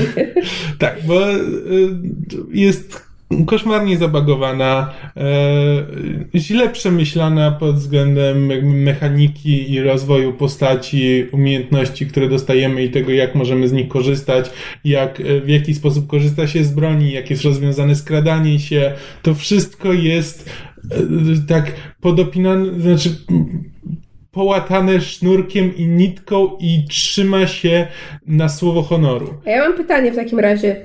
Why play? Ale no, jakby to są, to są elementy, które same w sobie w miarę działają, tylko po prostu nie składają się na całość, ale nie, Znaczy, nie są na pod, tyle... pod względem gameplayu to jest poziom, wiesz, jak ktoś bierze grę i robi do niej kompletnego moda, że po prostu na tym samym silniku robi swoją pierwszą grę. No tak. Już jakiś budżetowy tytuł, który ten... e, Gdzie wiesz, twórcy mieli dwa miesiące, żeby napisać od podstaw cały kod i e, trochę, się, trochę się to rozsypuje w szwach. E, Ale, no, ale da się w to grać i nawet e, jeśli się, e, jeśli się założy jakieś pewne własne założenia, to można z tego czerpać przyjemność. Ale no niestety trzeba trochę sobie zapracować na to, e, żeby, żeby się z tą grą dobrze bawić pod względem mechaniki. Natomiast mi się bardzo podoba ten świat, mimo tego, że jest głupi. Mm, Jakby mówiliśmy o dziwnych postaciach, które tam się pojawiają. Jakby pojawia, pojawiają się, e, pojawia się Nimka z miniganem i nie ma dziewczyna z, e, z rewolwerami. E, tak, facet z chińskiego wywiadu, który wygląda jakby się zur, urwał z animca. Ale to też w sumie, ale jakby tak, ale to jest gra, która e, jakby chce być Bondem. Jakby pod względem tych postaci, które są jakby postaciami pobocznymi, gdzieś tam się pojawiają w tle i są zazwyczaj e, po prostu e, narzędziami jakiejś tam większej organizacji, no to to jest taka głupota na poziomie ty, tych złych z Bonda, no Szczęk czy tego faceta z kapelusikiem, O, że po prostu masz, masz dziwne postaci, które trochę nie pasują do tego świata, e, ale, ale nadają, na- nadają mu kolorytu. Tak, oczywiście po prostu gra przez pierwsze 4 godziny udaje poważny thriller polityczny, kiedy jest mowa o terrorystach, e, zestrzeliwaniu samolotów, m, tego, że amerykańska korporacja handluje z terrorystami i tak dalej. Jakby gra zaczyna się poważnie i potem Ale te tak, elementy fabuła- atakują znikąd. Ale no wiesz, no to jest trochę tak jak w Deus Exie, który też jakby zaczyna No, się... tak, fabuła Deus Ex jest najsłabszym elementem pierwszego Deus Exa, to jakby powtarzam to od dawna. A ja się tutaj też nie do końca zgadzam, że właśnie, że fabuła jest, e, jest dziwna, jakby wplata masę elementów, które niekoniecznie do siebie Nie, przystają. voice acting jest na pierwszym miejscu i zawsze będzie. No tak, to jest... To, JC, it's a bomb. To cytat. I gathered, ale no nieważne. Także może te elementy jakby nie do końca tak jakby na to spojrzeć powierzchownie, nie do końca do siebie pasują, ale tworzą, tworzą interesujący świat, który jest, jest unikalny w jakiś sposób. Yy, I, na mnie, I mi się to wciąż podobało i to właśnie w jaki sposób gra rzeczywiście dostosowuje się do twoich wyborów i możesz, możesz określić z kim chcesz współpracować, a z kim nie. I to też, no momentami Znaczy, to, nie działa, bo... dostosowywanie się do wyborów jest bardzo fajne, bo jak rozmawialiśmy teraz o tym, jak przeszliśmy grę i, i co tam się działo z fabułą u ciebie i u mnie, faktycznie zmiany są bardzo duże i jakby kumulują się i to jest, to jest bardzo fajne. Tak, i właśnie i to jest najfajniejsza ta część, która naprawdę robi duże wrażenie, że kiedy zaczynasz grać tę grę po raz drugi, to nagle się orientujesz, y, jak ta gra jest inna. Kiedy nawet y, zdecydujesz, że na przykład najpierw nie polecisz do Rzymu, tylko polecisz do Chin i nagle się okazuje, że po prostu y, Na Tajwan. wszystko się, no tak, wszystko się toczy zupełnie inaczej. I pod tym względem to wciąż jest, y, to wciąż jest jedna, y, ten jeden element, właśnie dostosowanie się do wyborów gracza, y, jest wciąż lepiej poprowadzony niż większość jakichkolwiek gier, które do tej pory powstały. I poza tym, że właśnie, że gra jest, y, że gra jest beznadziejnie mechanicznie skonstruowana, świat może się podobać, może nie, jest trochę dziwny, trochę, trochę nieprzystający do siebie, ale wciąż ten element i to, co, to, co jakby powinno być w grach, już od lat powinno być lepiej dopracowane i co powinno być podstawowym elementem gier, gdzieś właśnie te wybory i że możesz rzeczywiście sterować fabułą w znaczący sposób, a nie tylko e, zdecydować tak naprawdę e, gdzie w grach BioWare'u twój wybór decyduje o następnej cutscence i to jest tak naprawdę wszystko, cały twój wpływ na grę. Kolorze to- oświetlenia w finale. no tak, no, y, to, to tutaj to jest, to jest niesamowite i strasznie mi brakuje, że, y, że to jest w tak złej grze jest tak unikatowe rozwiązanie, które zupełnie się nie przyjęło, a które powinno było y, mieć większy wpływ na, na ten przemysł. I to mnie, to mnie boli i pod tym względem ta gra jest, e, pod tym jednym względem jest fantastyczna, a niestety pod każdym innym jest średnia do złej. E, Co ja wciąż mam wrażenie, że my się zgadzamy co do tej gry. To... no dobra. Nie, tylko, że ty jakoś tak, jak ja, jak ja powiedziałem, że y, mam zamiar zagrać to po raz drugi, to byłeś bardzo zdziwiony, że czemu i po co. Byłem. No, tak, i wciąż tego trochę nie odebrałem, że rozumiem. właśnie, że to jednak bardziej negatywnie to oceniasz, bo ja nawet jeśli mam dostrzeżenia do tej gry, to uważam, że w sumie warto w nią zagrać. E, Nie wiem, może Być za może kiedyś może wrócę za- do niej jeszcze raz. Może za 5 lat też pomyślę, że Ale wiesz, zapominasz, że Krzyś jest cyborgiem i on nie rozumie niektórych ludzkich zachowań i musi się o nie dopytywać. a, a, a, a. Never gonna stop being funny. Never. Dobra, to jeszcze szybko przelecę po kolejnych grach, bo... y, Mm. Mafia 2. Pamiętałem tę grę jako dobrą. Jest koszmarnie powolna. E, Okej, ja już naprawdę nie rozumiem twoich decyzji wracania do gier. nie, byłem przekonany, że to jest dobra gra. Ja ją pamiętałem jako dobrą grę. Ona Ona ma dobre przerywniki? Tak, e, i to jest wszystko, bo ona w ogóle się nie otwiera. Jestem w połowie tej gry i tak naprawdę nie ma tam co, poza głównymi misjami nie masz co robić. E, Możesz po prostu... Bo, bo, bo to nie jest, Bo to to jest, tak jak. L.A. Noir. To, to, Tak. to nie jest, otwarty świat jest tam tylko To jest tłem. iluzja, tak. E, I, i to, to, to jednak jest zła gra. e, Choice niestety. is an illusion. Natomiast e, internet mi mówi, że to pierwsza mafia jest dobrą grą z tych dwóch, ale ja nigdy nie grałem w pierwszą mafię. Ja trochę grałem, tylko że pierwsza mafia jest też trochę oldschoolowa i ma niestety te rozwiązania, które mi najbardziej nie pasowały w drugiej mafii, na przykład model jazdy jest, nie wiem, powolny i męczący e, i też za dużo, za dużo jest latania z jednego końca miasta na drugi bez żadnego dobrego powodu. To Natomiast to, co mogę powiedzieć o drugiej mafii e, w pozytywach, to jest to, że to miasto ładnie wygląda. Nie, Widzimy tak, je jakby- przez lata, w różnych porach roku Tak, i to naprawdę Gdyby to pamiętam nie- jako To fajne. jest tak, że gdyby to nie było w otwartym świecie, tylko że Znaczy, to tak samo, nie, tak mógłby być jak... ten otwarty świat, tylko że gdyby cię ta gra nie przerzucała z jednego końca miasta na drugi, tylko po to, żeby wydłużyć czas grania. E, To, e, i to jest największy mój problem, że jakby sama fabuła jest ok. I gdyby to było po prostu tak jak L.A. Noir, gra w otwartym świecie, ale z liniową fabułą i po prostu e, przeskakuje z misji do misji, to okej. Tylko, że tam połowa czasu gry to jest przejeżdżanie po prostu, że musisz, okej, to zaczyna się misja i żeby zaczynasz misję w mieszkaniu, ale tak naprawdę, żeby ktoś ci powiedział, co masz teraz zrobić, to musisz przejechać na drugi koniec miasta. Przecież L.A. Noir miało to samo. No właśnie i to jest... e, To jest największy, największy mój problem, że gdyby to się skupiło na fabule, okej, w porządku i dało nam fajny świat, też super, jest naprawdę ładny, fajn, ładna grafika i rzeczywiście, która wykorzystuje, wykorzystuje epokę i okej, tylko że Rockstar tak samo jak marnuje mój czas. Tak samo jak pacany z Ubisoftu od Asasynów uwielbiają ekspozycję przez to, że prowadzisz samochód, a twój pasażer do ciebie gada Tak. przez 15 minut. Tak Wiecie- jak w Asasynie jest walk and talk, idziesz za Mhm. Machiavellim i słuchasz go przez 10 minut. Rockstar to nie są ci od GTA? E, tak, ale oni zrobili też L.A. Noir, czy przejęli potem, bo tam, o Jezu, powstawanie Nie, bo tak L.A. mówiłeś, Noir to było bardzo... mówiłeś o tym jeżdżeniu samochodem przez pół miasta w tej we w te i to mi się skojarzyło z GTA. No tak, no bo to jest właśnie. Tylko, że w GTA to działa, bo w GTA, no nawet jeśli musisz przejechać, to możesz po drodze sobie na przykład zahaczyć o jakieś miejsce. Nie, nie kiedy już zacząłeś misję No i teraz właśnie. możesz Prawda, tylko no. przejechać przez całe miasto słuchając irlandzkiego gangstera.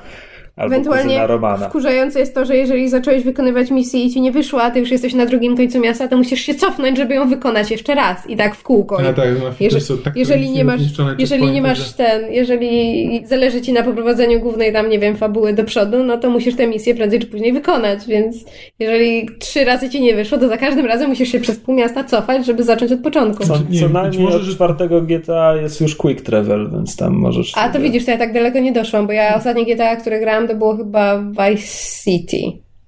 No, no okej, Vice City to było dawno temu. Że być może to jest tak, że w GTA po prostu, że pomiędzy misjami sobie robię to, co, to na co mam ochotę i jakby potem Biję jak zaczynam, jak zaczynam misję, to mnie tak nie boli, że muszę tam przejechać z jednego miejsca, na drugie, ale ponieważ w Mafii to jest jakby każda misja jakby na tym polega i na tym jeżdżeniu w tej i we w te, to jakby po prostu to, ta monotonia bardziej, bardziej mnie męczy. E, no, więc Mafii 2 nie polecam. E, Wstrzelę się tutaj, tylko Mhm. krótko powiem, bo mówiłem już, że powtarzałem Dishonored i skończyłem, a po przejściu Dishonored przeszedłem e, DLC do Dishonored, w które grałem po raz pierwszy. E, I jest fantastyczne. Jestem bardzo, bardzo zadowolony, że, że je przeszedłem, bo szczerze mówiąc, już pod koniec Dishonored tak trochę mnie gra znudziła, a DLC zmienia rozgrywkę na tyle, że, że miałem, miałem napęd, żeby przejść te kolejne sześć misji. E, Fabuła jest oczywiście durna okrutnie, ale mm, hej, outsider. Uff. E, Natomiast po, pojedyncze misje rozszerzają ten świat, pokazują nowe miejsca, niektóre są bardzo klimatyczne i są trudne. Tak jak Dishonored robi się, tak szybko robi się banalne, tak tutaj do, do samego końca miałem problemy. Może nie we wszystkich misjach, ale przynajmniej w połowie. E, I jeszcze drugi pakiet DLC wprowadza nowy mechanizm, wprowadza mm, amulety, które W podstawowej grze amulety to są takie drobiażki, znajdźki, które sobie tam wybierasz i one ci jakieś mikroskopijne, procentowe bonusy dają. Tak naprawdę przechodzisz grę i nie zauważasz tych amuletów. Natomiast w drugim pakiecie DLC pojawiają się przeklęte amulety, które dają duży efekt, tylko połączony z jakąś wadą. I na samym początku po prostu dostajesz od gry amulet, który zamienia cię w Weeping Angela z Doktora Who. To znaczy, jeśli jesteś nieruchomo, przeciwnicy cię nie widzą, tylko nie regeneruje ci się mana. E, I to tak fajnie zmienia grę, e, tylko nie ma, a przynajmniej ja byłem za głupi, żeby znaleźć, albo żeby w ogóle poszukać e, jakiegoś, jakiegoś keybinda, skrótu klawiszowego, który pozwalałby mi bezpośrednio z poziomu gry włączać i wyłączać ten amulet, więc musiałem wychodzić do menu, do tego tam ekwipunku i tam sobie zahaczać i to zmiany w tej i we w te za każdym razem zajmowały cenne sekundy i ostatecznie strasznie długo to trwało. Mm, a szkoda, bo jakby wygodne przełączanie między tym jednym trybem i drugim jakby usprawniłoby mi rozgrywkę, bo jakby nie chciałem się decydować tak, że ok, teraz cały poziom przechodzę z tym, z tym, z tym mechanizmem, bo to, to z kolei by mnie ograniczało. Ale to jakby już detal. A tak poza tym grałem się w to bardzo, bardzo fajnie i Michael Madsen niesamowicie pasuje do roli zmęczonego życiem e, frajera. To z polecanek growych to ja polecam jeszcze Rocket League, e, czyli piłkę nożną z samochodami. E, Top Gear miało kiedyś taki odcinek. No, to trochę tak wygląda. Znaczy masz... E, Te w Top Gearze nie skakały. Masz do, do czterech samochodów w każdej drużynie. Masz dwie drużyny, dwie bramki, E, Piłka jest jedna, okrągła. Piłka jest jedna, tak. Za to boisko jest jakby obudowane ze wszystkich stron i można jeździć po ścianach e, i nawet po suficie, jeśli się postarasz. E, I tak, i próbujesz jeździć samochodem i wbić piłkę do bramki przeciwnika. No, samochody mogą skakać i mogą wykonywać jakby strzały, czyli jakby jeśli naciśniesz skok, to y, samochód się odrywa od ziemi i skacze, i potem jeśli naciśniesz y, z kierunkiem y, kolejny raz skok, to samochód wykonuje takie przyspieszone salto w tym kierunku, więc możesz, więc możesz jakby przelecieć i odbić, e, odbić piłkę w inną stronę. E, I to.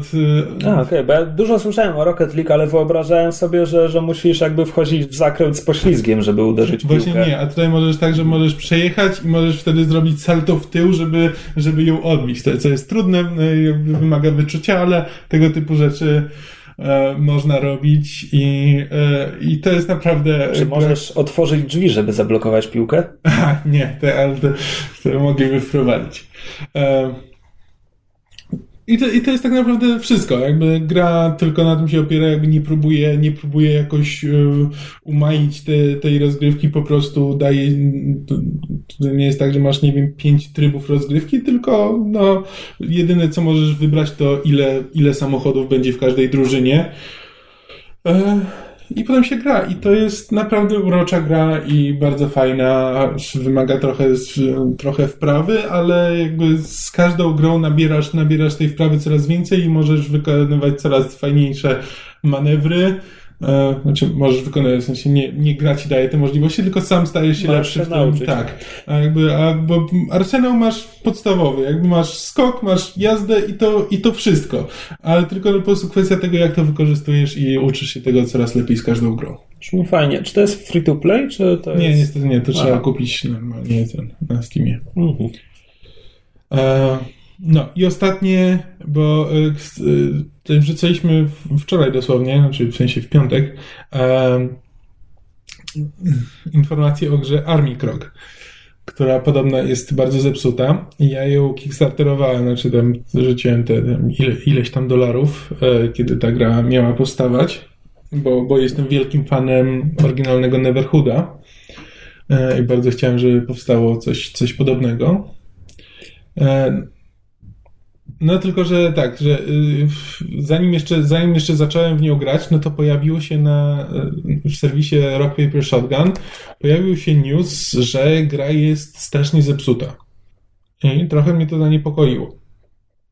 Tylko, że potem doczytałem, że, ten news, że tego newsa napisał John Walker, a John Walker jest dziennikarzem, który z zasady, jeśli coś mówi, to ja zakładam, że odwrotność jest prawdziwa. Już go, nie wiem, strasznie go nie lubię, nie zgadzam się z nim w wielu kwestiach i uważam, że jest strasznym bucem przede wszystkim. No i to jest tak, że on trochę racji ma, tylko że ma tę rację z perspektywy osoby, która nigdy w życiu nie grała w Neverhooda. Bo jakby Army Krok jest e, bezpośredni, bezpośrednią kontynuacją Neverhooda, jakby bezpośrednim następcą e, duchowym i wszystkie te błędy, które jakby e, John Walker wytykał grze, pochodzą z oryginalnego Neverhooda. I, no i teraz pytanie... Czekaj, czekaj, bo rozumiem, że mówisz o tym, że tam nie ma opisu przedmiotów i że ci tak. nie pojawia, czy są interaktywne. Okej, okay. ale John Walker pisał też, że w ekwipunku pojawiają mu się przedmioty, których nie znalazł i rozwiązuje znaczy... zagadki, których nie powinien móc rozwiązać i że nie, nie, ładuje mu się przerywnik, po którym mógłby kontynuować grę i musi rozpoczynać grę od początku. Tylko, że... Yy, Czy to są tradycje Neverhooda? Nie, bo, ale ja się nie spotkałem z żadnym z tych błędów. Okej. Okay. Więc wiesz, też mi ciężko ocenić. Nie wiem na ile, na, na ile to jest powszechne, ale ja nie miałem jak do tej pory żadnego problemu z tą grą. E, jakby te rozwiązania mechaniczne, które ok, są, są słabe, e, może znaczy rzeczywiście może fajnie by było, gdyby no, grać i informowałeś na coś klikasz, no to był jakikolwiek komunikat, że ok, kliknąłeś na coś, w co da się kliknąć, tylko że po prostu w tym momencie jest nieaktywne. Um, ale to też jakby wynika z gry, jakby jakby moim zdaniem, znaczy wszystkie elementy interaktywne są dosyć ewidentnie elementami interaktywnymi. Jakby niekoniecznie e, to podświetlanie byłoby potrzebne. Znaczy moim zdaniem jakby nie, nie jest i jest, byłem w stanie grać w tę grę e, bez solucji. E, raz użyłem solucji, bo podczas jednej łamigłówki. No i tutaj dochodzę do tego, mm, do tego miejsca, gdzie jakby z zarzutami, z zarzutami Johna Walkera się nie do końca zgadzam i grałem w tę grę, tylko że największy problem jest taki, że to nie jest, to, to, to nie jest rzeczywiście duchowy następca Neverhooda. Znaczy wzięli z Neverhooda nie to, co trzeba. Bo gra, owszem, jest śliczna i jakby to, że jest zrobione, wszystko jest zrobione z plasteliny, to jest niesamowite i bardzo ładnie wygląda. To jest ok. Muzyka jest fajna, nie do końca, nie aż tak fajna jak w oryginalnym Neverhoodzie, ale jest fajna i stanowi fajne tło. E, tylko, że tam jest strasznie mało humoru. I a jest bardzo dużo łamigłówek, które nie są, nie są tym, co. Znaczy, w Neverhoodzie też było strasznie dużo głupich łamigłówek, takie, które były wkurzające, niesprawiedliwe i miałeś ich dosyć ale zawsze gra się nagradzała fajną cutscenką, potem jakimś fajnym tekstem, coś się działo, e, co sprawiało, że nawet jeśli się namęczyłeś i przeklinałeś tę grę w myślach, to chciałeś w nią grać dalej. A tutaj nie, tutaj przechodzisz z pokoju do pokoju, od zagadki do zagadki i nic się śmiesznego nie dzieje. I to jest, i to, i to jest najgorsze. I to mnie strasznie boli. Znaczy, wiesz, jest bardzo fajny pierwszy filmik, który rzeczywiście zapowiada, że i trzyma się tego ducha Neverhooda, e, a potem, a potem nic. I nic, i nic, i nic. I po prostu przechodzisz i możesz sobie pooglądać te fajne lokacje, te fajne plastelinowe budynki, stworki e, i wygląda to super. No tylko, że nie dzieje się tam nic śmiesznego. I tego nie jestem tej grze w stanie wybaczyć. I to już jest, i to już jest rzeczywiście prawdziwy błąd tej gry. E, I jeszcze jej nie skończyłem, jestem już tam pod koniec. E, nie wiem, co tam się na koniec wydarzy, ale ra raczej nie będzie to warte e, tej frustracji przy, mm, przy niektórych łamigłówkach, więc no, to jest straszna szkoda i bardzo mi przykro z tego powodu. No. Biorąc pod uwagę, jak często kart pojawia się w naszych rozmowach o tym, co poglądy twórcy, czy mają wpływać na odbiór dzieła, czy coś, e, czuję się zobowiązany dodać, że podobno twórca Neverhooda jest jakimś konserwatywnym bucem i powinno się go nie lubić. Tak? Nie, nie słyszałem nic o tym. No to przynajmniej teraz mogę go w ten... E, mogę go nie robić e, z wielu różnych Czekaj, powodów. czekaj, homofob, seksista. E, czy, czytam pierwszy artykuł, który Francuz, trafiłem prawda? w Google. E, Doug ten Napel, nie wiem. Nie, nie wiem. Nie wiem, no, tak, tylko Nie za, zastanawiałem się, czy o tym wiesz w ogóle, bo Nie, nie wiem, nie, nie wiem. Nie słyszałem nic o twórcy, prawdę mówiąc. No, ale ciekawe. To są seriale? Mhm. Ty mówiłeś, że chcesz coś, że filmy i przejście od filmów do seriali i w ogóle masz jakiś wielki masterplan.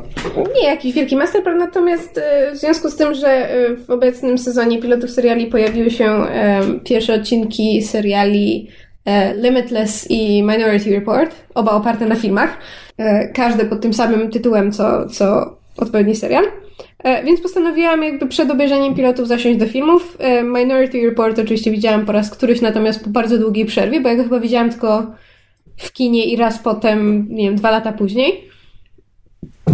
I Minority Report się bardzo dobrze trzyma. To znaczy, jasne, tam niektóre efekty są em, m- może nie najlepsze i niektóre Są? rozwiązania.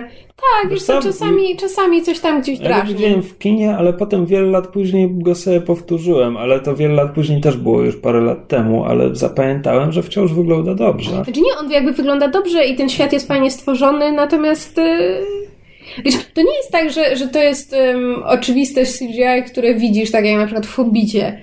Ale po prostu biorąc pod uwagę, jak technika poszła naprzód i jakie możliwości są teraz, no to pewne rzeczy pewnie by były wykonane inaczej. Co, co, chociaż nie wiem, czy to by była e, zaleta. To znaczy jakby nie wiem jak to powiedzieć. No po prostu to jest film bardzo, z bardzo konkretnej epoki. E, Natomiast ym, fabuła nadal, nadal, nadal jest strasznie fajna i w ogóle i- intryga jest fajna i to się rzeczywiście dobrze ogląda, ten taki, to się nazywa neo-noir. A zakończenie wciąż jest tak po Spielbergowsku przesłodzone.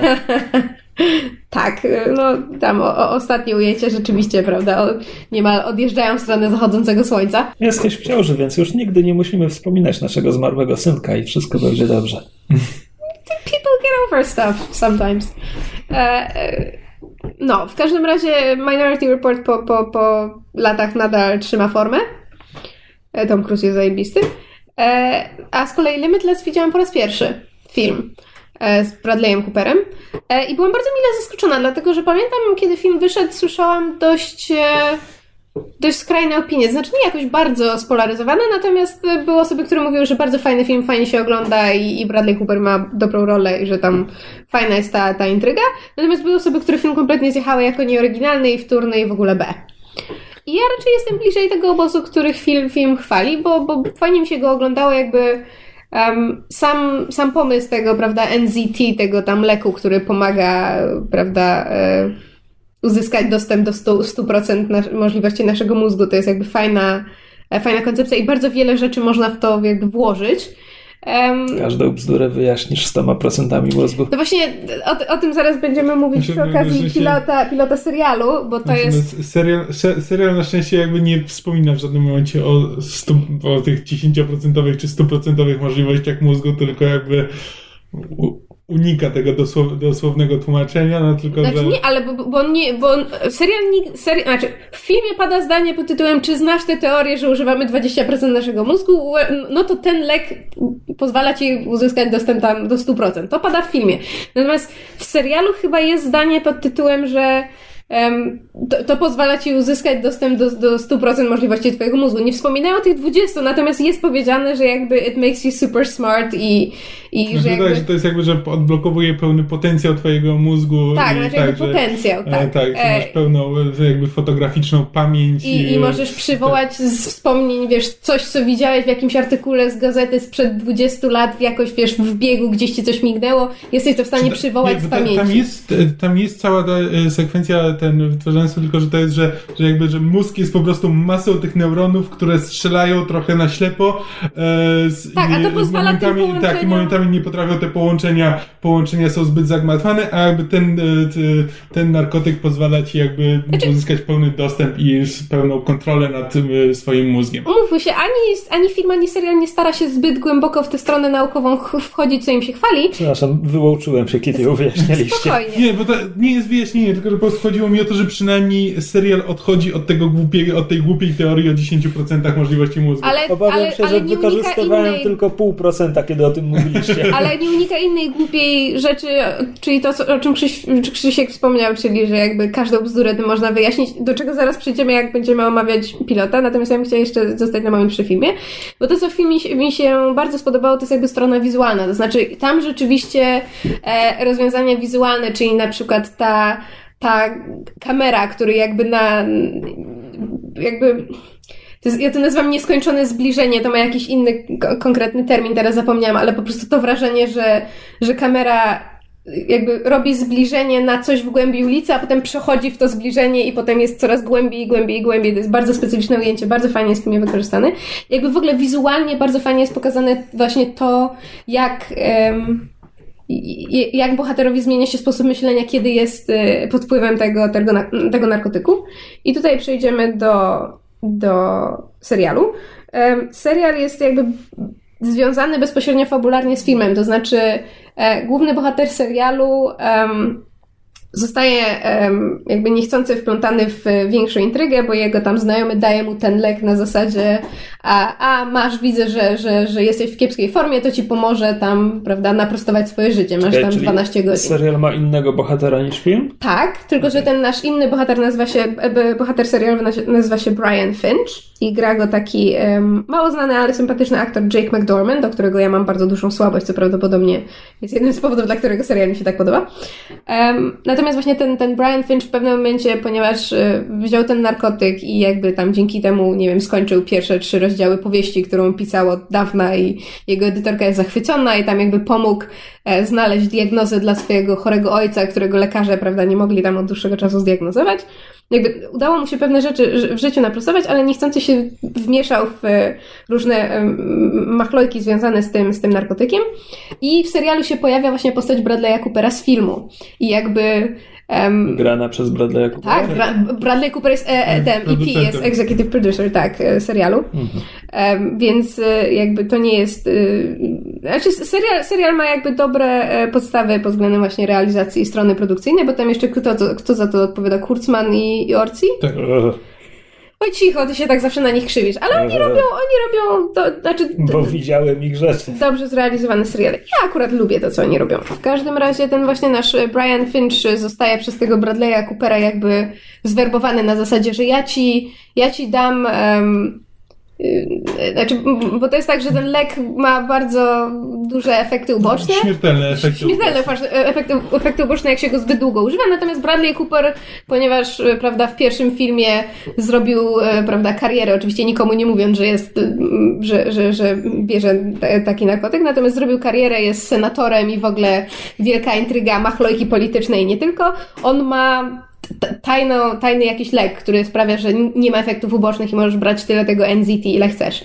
I on tego naszego Briana bierze i mu daje ten lek i mówi, nikomu nie możesz o tym powiedzieć, bo ja chcę mieć kogoś, ktoś, ktoś na twojej pozycji mi się w tym momencie przyda. A tak, pozycja Briana wygląda teraz tak, że on, jest, on się staje konsultantem dla FBI, którzy jakby wiedzą, że on Ponieważ jest pod wpływem... że tak. którzy wiedzą, że on jest pod wpływem tego NZT, natomiast potrzebują jego pomocy, żeby rozwiązywać sprawy kryminalne. Znaczy, jakby taki jest y, zarys serialu. To, co mi się bardzo podobało, to jest jakby, że w pierwszym odcinku rzeczywiście Brian pomaga policji tam rozwiązać y, jakąś sprawę, natomiast w drugim odcinku bardzo wyraźnie widzimy, że to nie jest tak, że, że, że oni są bardzo otwarci na to, żeby on był ich konsultantem, tylko oni tak Znaczy, tak, naprawdę, oni go oni chcieli z niego zrobić pokoju. analistę, znaczy, bo w sensie po, pierwsze, takiego... po pierwsze oni go potrzebują, bo chcą... No to jest e, analyst, no CIA analyst, jak to jest po polsku? Analityk. Analityk. Analista. I think that means something completely different. Znaczy, bo, po, po pierwsze to oni go trzymają, bo on jest właśnie jedyną, y, bo nie wiedzą czemu on jest jedyną osobą, która nie ma efektów ubocznych tego, e, tego narkotyku. Hmm. E, Po drugie, trzymają go w zamkniętym pokoju po to, żeby on brał ten narkotyk i pomagał im na przykład, wiesz, czytał, yy, tłumaczył dla nich farsi. Tak, nauczył się języka farsi, bo nie mają nikogo, kto ten język zna, a to się może przydać. Tak, więc to ma sens i dopiero musi w drugim W całym FBI nie mają nikogo, kto zna farsi. Nie, no tylko, że w każdym z- momencie... Ale znaczy może Nie, no, mają może w sensie- mało osób, no mało tłumaczy z tego Weź języka, no. Znaczy, wiesz, no, cokolwiek by tam nie było, no że po prostu weź to, naucz się teraz w 3 minuty trygonometrii i policz nam, wiesz, po prostu traktują go jako komputer, który, z którego mogą korzystać. I dopiero w drugim odcinku musi udowodnić swoją przydatność jako człowiek, jako coś więcej niż Tak, tylko, wiesz, maszynka obliczeniowa. I pod wieloma względami serial jest zbieżny z, z znaczy Limitless jest zbieżny z Chuck, z serialem z, e, sprzed paru lat, zresztą bardzo przeze mnie e, lubianym, gdzie też jakby był podobny motyw, że właśnie główny bohater miał, prawda, w swoim mózgu jakieś tam e, większe możliwości, z których nie do końca wiedziano jak, jak korzystać, prawda, najpierw go chcieli zamknąć w pokoju i, i, i, i w ten sposób go kontrolować, natomiast się okazuje, że on, prawda, w jak to się mówi, in the field jest, jest bardziej przydatny. To, co mi się jednak w Limitless bardzo podoba, to jest to, że znaczy, okej, tak, już w drugim odcinku bardzo sobie folgują, jeśli chodzi o to, jakie możliwości daje NZT, czyli jest właśnie to na zasadzie, że a, że ponieważ widziałem gdzieś kiedyś taki artykuł, a tutaj zobaczyłem jakąś upuszczoną przez kogoś pineskę, a ty powiedziałeś jedno słowo, które ja ci odczytałem z ruchu warg, ponieważ nauczyłem się czytać z ruchu warg, to teraz udało mi się znaleźć tego, nie wiem, tego e, sapera, znaczy nie sapera, tylko tego em, arsonist. Podpalacza, e, którego nie, nawet nie wiedzieliście, że szukacie. No po prostu wiesz, taki, taki zupełnie nie nielogiczny z punktu widzenia widza ciąg przyczynowo-skutkowy. Natomiast to, co mi się w serialu podoba, to jest to, że mm, ponieważ główny bohater Brian jakby nawet jak nie bierze tego narkotyku, to nie jest głupi facet. To znaczy w sensie on ma on ma bardzo duże możliwości, tylko właśnie tak jak Kamil mówił, NCT pomaga mu On ma głównie największe problemy ze skupieniem uwagi po prostu. tak, bo nie... pe- pewnie ma jakieś tam ADHD albo coś takiego. E, w każdym razie, tak jak Kamil mówił, że NZT pomaga jakby osiągnąć pełen potencjał Twoich możliwości, wiemy, że Brian bez tego NZT naprawdę ma duży potencjał i on umie z niego korzystać, tylko że NZT ten potencjał zwiększa. I mi się bardzo podoba to, że właśnie nie mamy czegoś takiego, że prawda, że bez NZT główny bohater jest idiotą i jest interesujący tylko kiedy jest pod wpływem tego narkotyku. Zresztą tutaj serial bardzo fajnie wykorzystuje motyw z filmu, mianowicie um, Limitless ma bardzo fajną stronę wizualną, to znaczy film jedno, a serial drugie i one nie są, oni nie korzystają z dokładnie tych samych trików, natomiast serial Limitless bardzo fajnie właśnie pokazuje możliwości e, Briana pod wpływem SET, czyli na przykład właśnie jak się uczy farsi, to są wyświetlane e, słowa w, w, prawda, w, w, w farsi po angielsku, jak on się uczy właśnie e, języka, albo jak próbuje... Słowa farsi po angielsku. Nie, ale w sensie słowa farsi i po angielsku, w sensie, Że są w dwóch językach. Zabrakło tego. A, przepraszam, jakoś m- m- mówiłam skrótem myślowym. E, I pod względem wizualnym to jest fajnie pokazane. Natomiast także bez tego NZT Brian jest, jest fajną osobą i są pokazane jego relacje z rodziną i jakby bardzo fajną ma od razu dynamikę z, znaczy dynamika jego relacji z, z pracownicą FBI, którego y, potem jakby będzie jego partnerką, no bo to jest Ponieważ oczywiste. oczywiście, że tak. Tak, e, grają, o Jezu, zapomniałam teraz jak się aktorka nazywa, grała siostrę Dextera w każdym razie w, w, w serialu Dexter. Um, Jak strasznie dziwnie się ją ogląda. kiedy nie Jennifer. Carp- Jennifer Carpenter? Tak. Tak. Jako- tak. Bo ja chciałem powiedzieć Debra Morgan i to nie było. Ja też miałem, że Debra coś. Nie.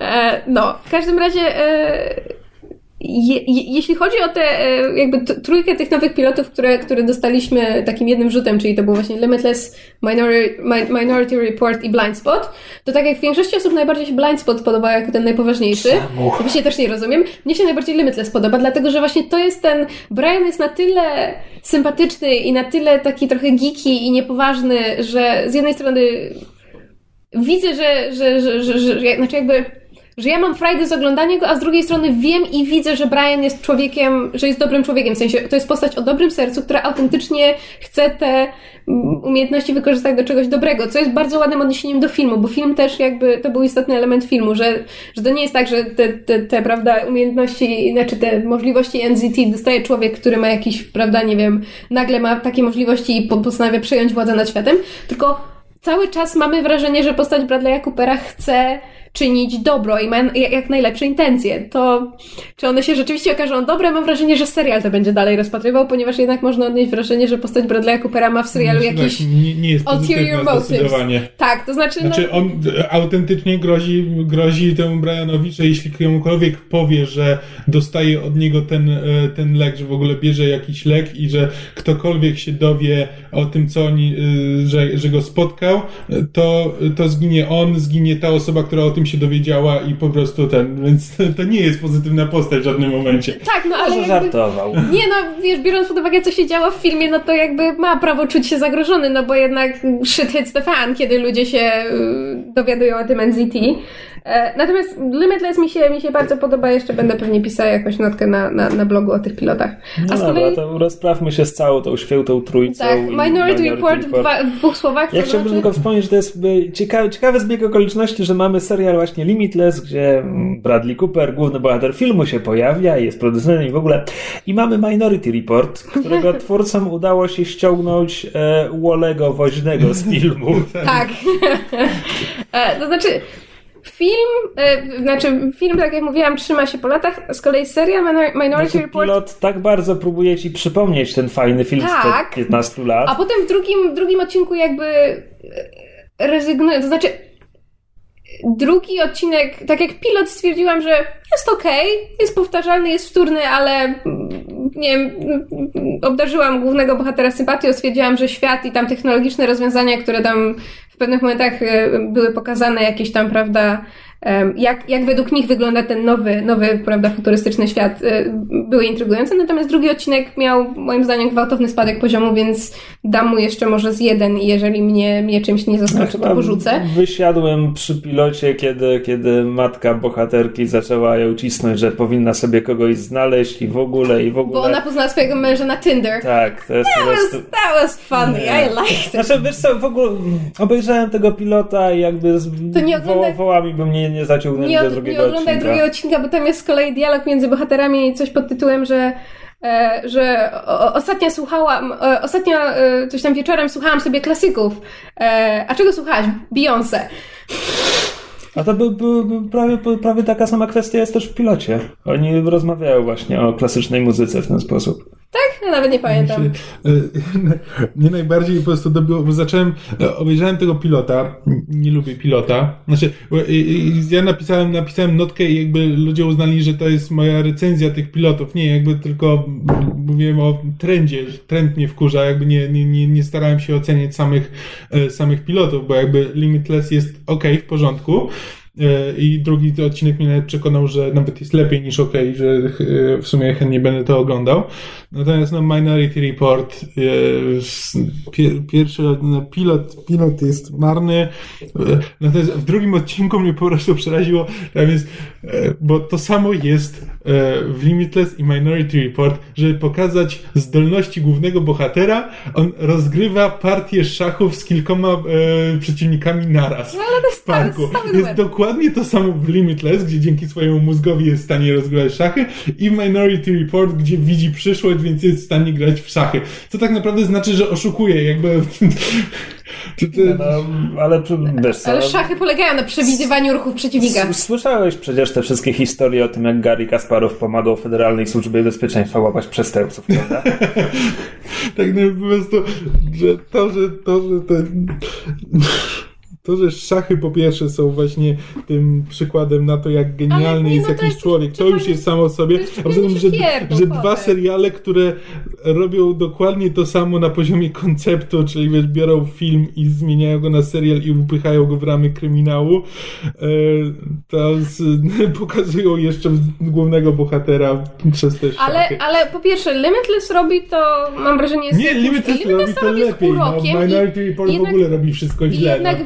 Widać, że to Limitless próbuje odejść od serialu, to znaczy, znaczy od, od, od filmu, że fu- film jest dla nich punktem wyjścia i oni Tak. więc odbijają swoją stronę. Widać to pod względem wizualnym, fabuły, bohatera um, pomysłu, no bo jednak film nie był kryminałem, film był zupełnie o czym innym. Natomiast Minority Report film był tam neo-noir kryminał. Tak. Serial też próbuje być w Mnie tym coś kierunku. podpowiada, że twórcy serialowego Minority Report tak bardzo by chcieli, żeby Tom Cruise ich y, zaszczycił. A ja mam, ja mam wrażenie, ponieważ Minority Report to jest serial Fox, which should say something, po pierwsze. Po drugie, ja mam wrażenie, że oni się po nie w czasie zorientowali, że zbyt wcześnie skasowali Almost Human, które było dobrym serialem i już było neo-noir i było futurystyczne, tam futurologiczne i było bardzo fajne. Natomiast oni się po, po, po, po, po fakcie zorientowali, że, że mieli potencjalnie dobry serial na rękach i teraz po prostu obejrzałam te dwa odcinki Minority Report i jedyne co poczułam to jest taka tęsknota za Almost Human, bo tam właśnie na przykład już takie pierdołki, pier, pierdoły jak na przykład właśnie te takie nowinki technologicznie, technologiczne. W, w Almost Human to było z pomysłem, to znaczy oni ich nie wrzucali tylko po to, że u, popatrzcie jaki mamy budżet na efekty specjalne,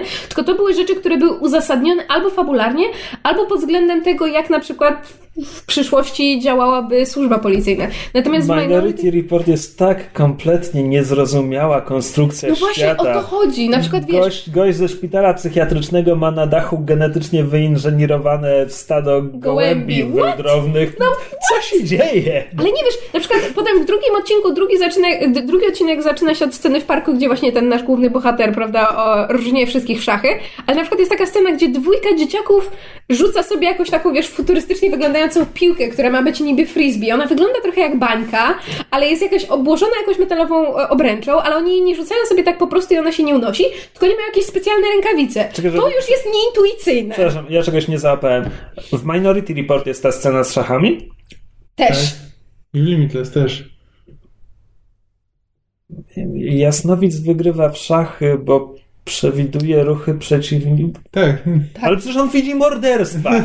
To jest podstawa jego mocy. On widzi śmierć ludzi. Nie, jest w serialu po, powiedziane, że oni widzą przyszłość, a morderstwa jako część przyszłości jest najcięższą, najbardziej taką nachalną tego częścią i E, najbardziej krzywdzącą. okej, Whatever. nieważne. No, serial jest że po on prostu ma jakąś tam intuicję. Nie, właśnie oni, oni próbują jakoś uzasadnić to, bo jeszcze tam się, jeszcze tam tłumaczą, że, e, e, że ten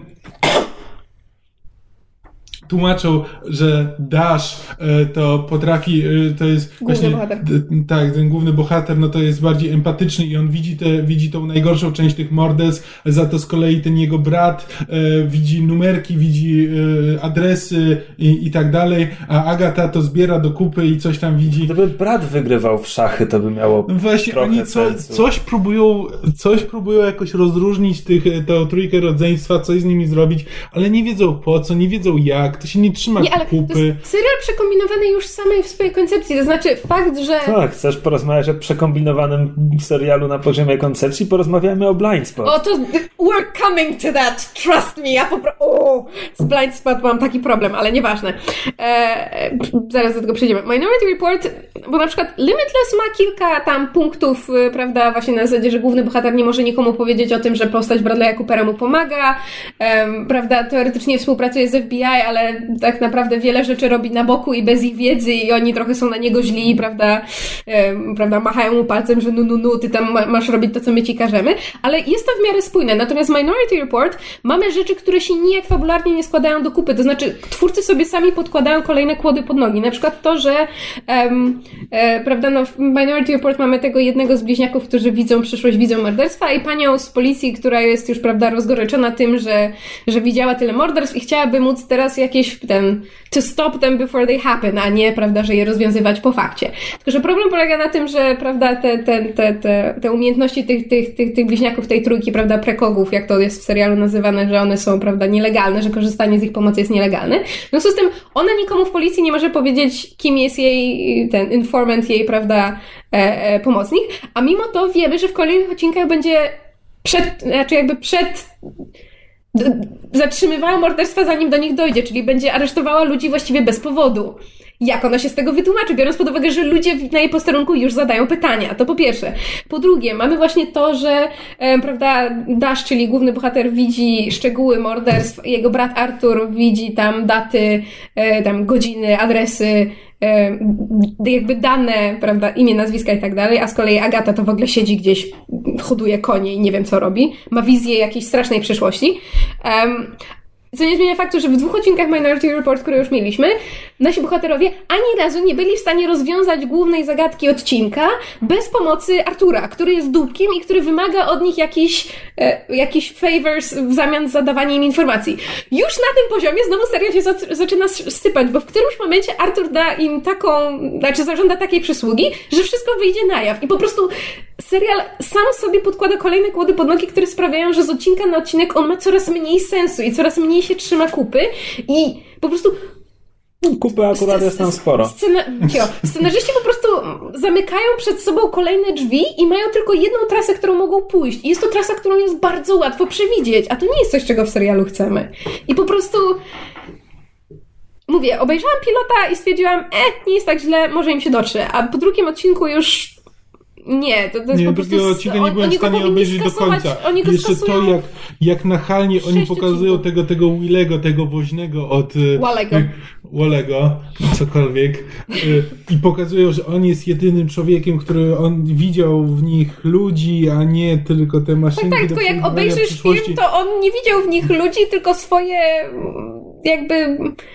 Zwierzątka. Tak, zwierzątka slash zabawki. Już pomijam, jak Tak, erotycznie jeszcze- nacechowane były jeszcze- sceny między nim, a Tak. tym, jak się opiekował Agatą. tak nachalnie i jeszcze wiesz, specjalnie dorzucili do tego jakiegoś agenta, który tam pojawia się znikąd i który jest zimny i w ogóle dla niego to są, dla niego to nie są ludzie, to są e, tylko, nie wiem, coś, co pływa w zupie i Oko.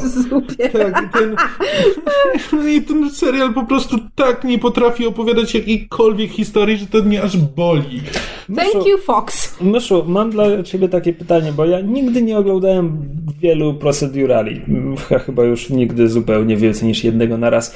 E, Czy ten schemat e, oficjalny policjant i towarzysząca mu osoba, która nie jest policjantem, ale ma jakiś niespotykany dar, który pomaga rozwiązywać zbrodnie. Every Czy to było w proceduralach zawsze? One. Ale mam wrażenie, że w tym roku jest jakaś kumulacja To kosmiczna. nie jest w tym Nie, bo roku, są- bo, ale zauważ na przykład, ile seriali już lecących, i to od dłuższego czasu ma taką konstrukcję. Forever, które przed chwilą zeszło, ma taką konstrukcję. Bones No ma tak. taką konstrukcję. Mentalista ma taką Bo konstrukcję. są teraz, Psych ma taką są konstrukcję. teraz dwa rodzaje procedurali. Albo robimy, albo robimy Grupę? CSI, NCIS, tak jakąś grupę, która Criminal oficjalnie Minds. zajmuje się przestępstwami i pracuje dla jakiejś organizacji. Typu FBI albo whatever. Tak. Ja wciąż nie mogę wyjść z podziwu, że NCIS e, New Orleans, spin-off NCIS, które Ma być kolejny. E, Tak, dzieje się w Nowym Orleanie. Dotyczy przestępstw potem, e, po, popełnianych jakoś związanych z marynarką wojenną w Nowym Orleanie Znaczy, i mnie, ma 12 milionów widzów. Dla mnie NCIS w ogóle jest niesamowitym fenomenem. To znaczy, ja tego serialu nie oglądam, ale jak spojrzałam na wyniki oglądalności, it's Nie, ridiculous. To To, jest znaczy, niesamowite. On ma kto to ogl- Dlaczego to ludzie oglądają? To ma większą oglądalność pod pewnymi względami niż, niż nie wiem, Gra o Tron czy Super Bowl na miłość boską. Chyba dwa lata temu NCIS był najbardziej oglądanym programem telewizyjnym w ogóle. Tak. No, Nie no, w każdym razie no, są, są, są dwa rodzaje. Albo masz właśnie jakąś organizację? Tak. albo masz właśnie, znajdujesz jedną osobę, na której się skupiasz, która ma jakiś dar i wpychasz go kolanem w jakąś organizację. I to jest to, czego ja miałem dosyć, to o czym ja pisałem, że po prostu już mm, to jest tak ograny schemat i jeszcze wiesz, i właśnie Sleepy jeszcze Hollow, to co, samo. Co innego, kiedy to jest na przykład, wiesz, y, jak to jest mentalista, czy lie to me, czy y, tego typu rzeczy, gdzie to jest jakby jakiś tam nowy koncept. To To, Light to Me to tam sporo mieszało z tym konceptem. no tak, tak, ale to, to jeszcze, wiesz, to jeszcze samo w sobie jest okej, tylko że po prostu mnie najbardziej bolało to, to, o czym pisałem, że biorą właśnie filmy takie jak Limitless, y, Lucyfer.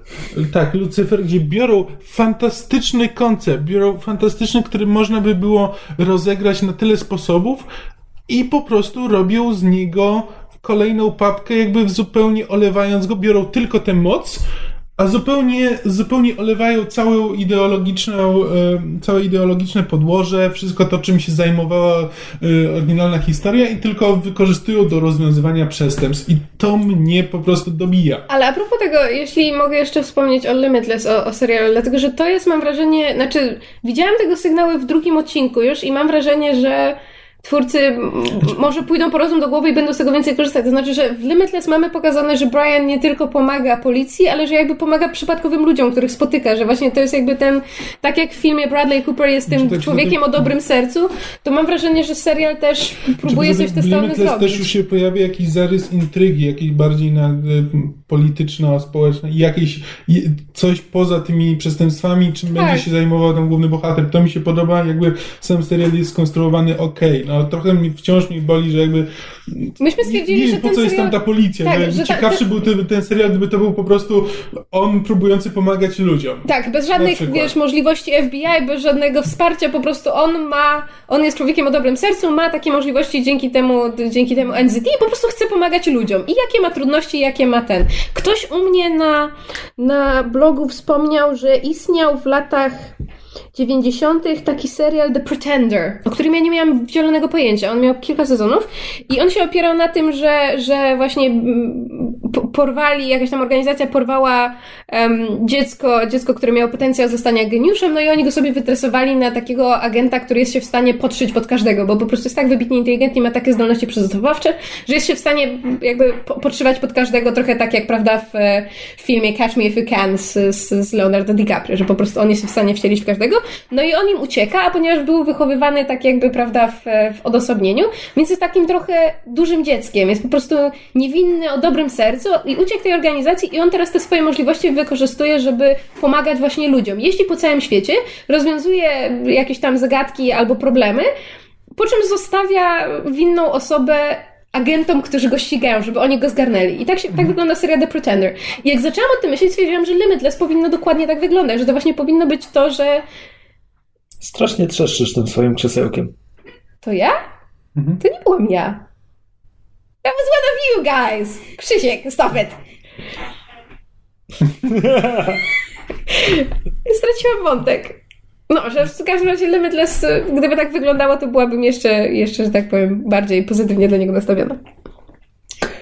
Tak, no ja jestem jedną z osób, którym Blind Spot podobał się najbardziej z tych pilotów, co je obejrzeli, co jestem w stanie ocenić na tej podstawie, że w przeciwieństwie do Minority Report sięgnąłem po drugi odcinek Blind Spota, po którym pożegnałem się z serialem.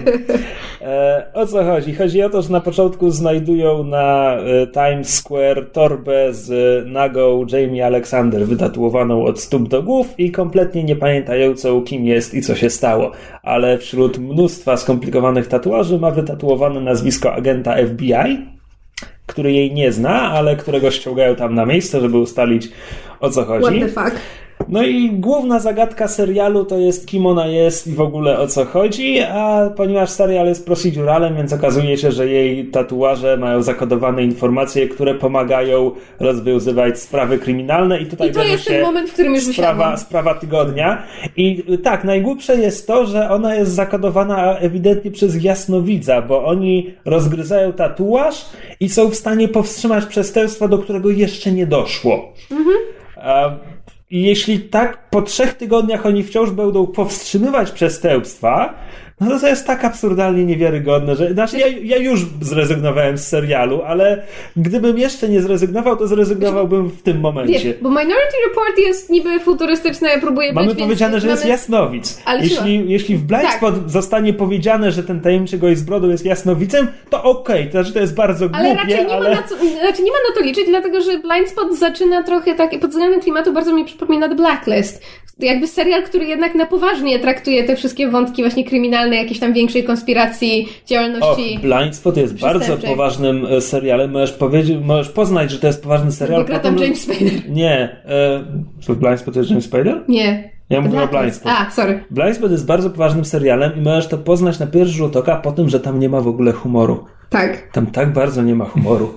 Znaczy, mi się. Niesamowite, jak tam nie ma humoru. Jak tak o tym mówicie, nie oglądałem pilota, ale przypomina mi się drugi sezon e, Prison Breaka, gdzie żeby e, jakoś pociągnąć ten motyw e, tego tatuażu i, jak, i pociągnąć to na drugi sezon, to się okazuje, że, mm, że Michael on się nazywał, nie wiem jak się nazywał ten główny bohater, Tak. e, że sobie wytatuował jeszcze wskazówki dotyczące dalszego, dalszego etapu po tym, co będzie po wyjściu z więzienia, bo nie był w stanie zapamiętać nazwisk ludzi, z którymi ma się spotkać po wyjściu z więzienia, więc musiał sobie wytatuować, że jak to się nazywa Rose, to sobie wytatuuje róże, bo nie będzie pamiętał inaczej z kim, do kogo ma pojechać, z kim się spotkać i dzięki temu potem mogą, są w stanie ich ścigać, bo mają zdjęcie, że on ma róże, a tam jest ktoś, kto się nazywa Rose i on pewnie do niej jedzie. No w każdym razie, nie, to widzisz, Blind Spot jest jeszcze durniejszy, bo oni znaczy, ja mówię, że ona została wytatuowana przez jasnowidza, bo okej, okay, U uwaga, zdradzę fabułę pierwszych dwóch odcinków. W pierwszym odcinku, pierwsze 15 minut, no to zajmujesz tylko nią, jakby nie ma jeszcze sprawy tygodnia. Sprawa tygodnia pojawia się w momencie, kiedy ją już tam trochę bardziej dopuszczają do tych informacji, czy do braku informacji o niej i pokazują jej na przykład zdjęcia tych wszystkich tatuaży, tak, w tym te, których nie może obejrzeć sobie w lustrze. No i Jamie Alexander w tym momencie okazuje się, że zna chiński i czyta te tam parę, parę zdań po chińsku, które ma wytatuowane na karku. Bo oczywiście F FBI nie nie ma nikogo, kto zna chiński, kto by to zrobił wcześniej. Mniejsza, mniejsza o to. Nie, no że i... jesteś takiego jak Google Image Translator, nieważne. E, tak. No i e, ona okazuje się, że to jest po chińsku napisany adres gdzieś na Manhattanie i oni tam jadą i okazuje się, że tam jest chiński Oczywiście terrorysta. Zabierają, zabierają ze sobą because of reasons. E, chiński terrorysta, który planuje zamach. On, on nie popełni jeszcze zamach, on go dopiero popełni i jakby powstrzymują go w dniu, w którym on chce popełnić ten zamach. I w tym momencie, no Jasnowidz ją tatuował, że, że wpadł na to, że ona odczyta, te, jakby pokażą jej to zdjęcie i ona to przeczyta.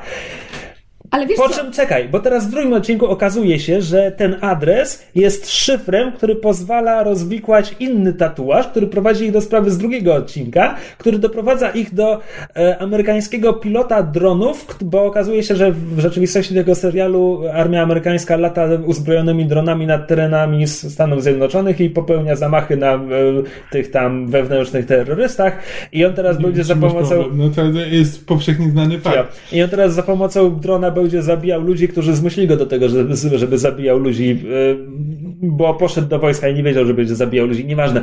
E, no nie wiedział, że będzie I tu znowu jest po prostu ja, tatuażysta Jasnowic, gdzie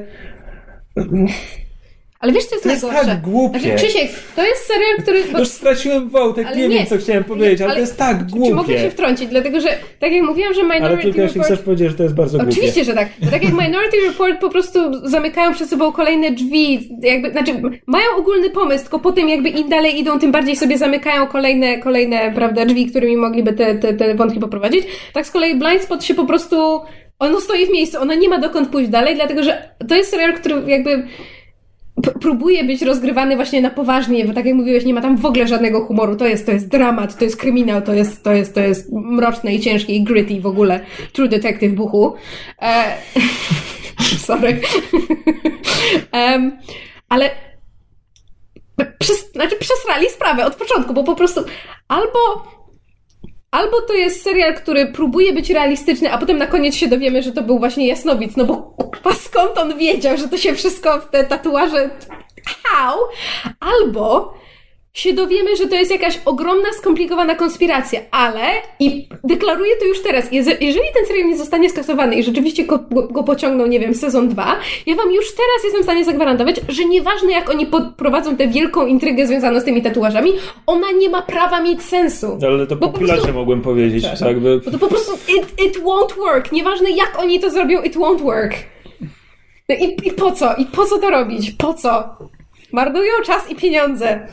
Biedna Jamie Alexander. Jamie, ta, Jamie Alexander w body paintingu wygląda dobrze i jakby w serial. No nawet nie jest, od nie, strony nie jest body painting, to są takie. To są... Znaczy czasami ją malują, a znaczy- czasami znaczy... po prostu nosi takie rajstopy z tatuażami na rękawach. Oni nie malują, to są, to są takie. No, to jest jak, jak, jak takie tatuaże ten, na, na wodę z, z paczek chipsów. To jest, to jest ten rodzaj stencil, czyli takiego wzoru, który oni po prostu mają wydrukowane ileś set kopii tego samego tatuażu, nakładają na nie moczą, jakby przyklejają do skóry, a potem posypują pudrem. Co i tak trwa. Jak ona, widziałam filmik, jak, jak robili jej um, od pasa w górę, czyli tam tors, ramiona i szyję, 4 godziny. Nawet z tymi, z tymi jakby naklejkami. Strasznie dużo czasu. I po co to?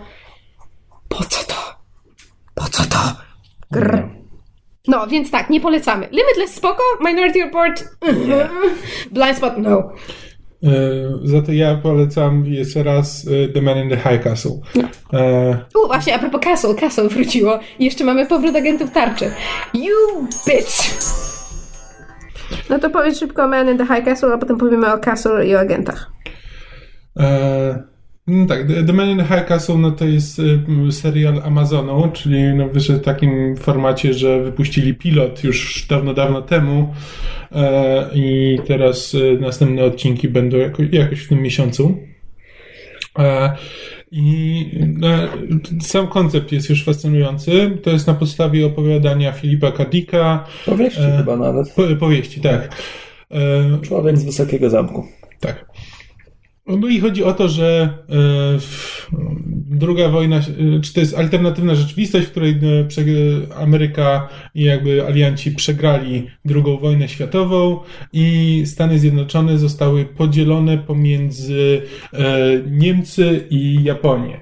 I jakby zachodnie wybrzeże jest, jest japońskie, wschodnie wybrzeże jest niemieckie.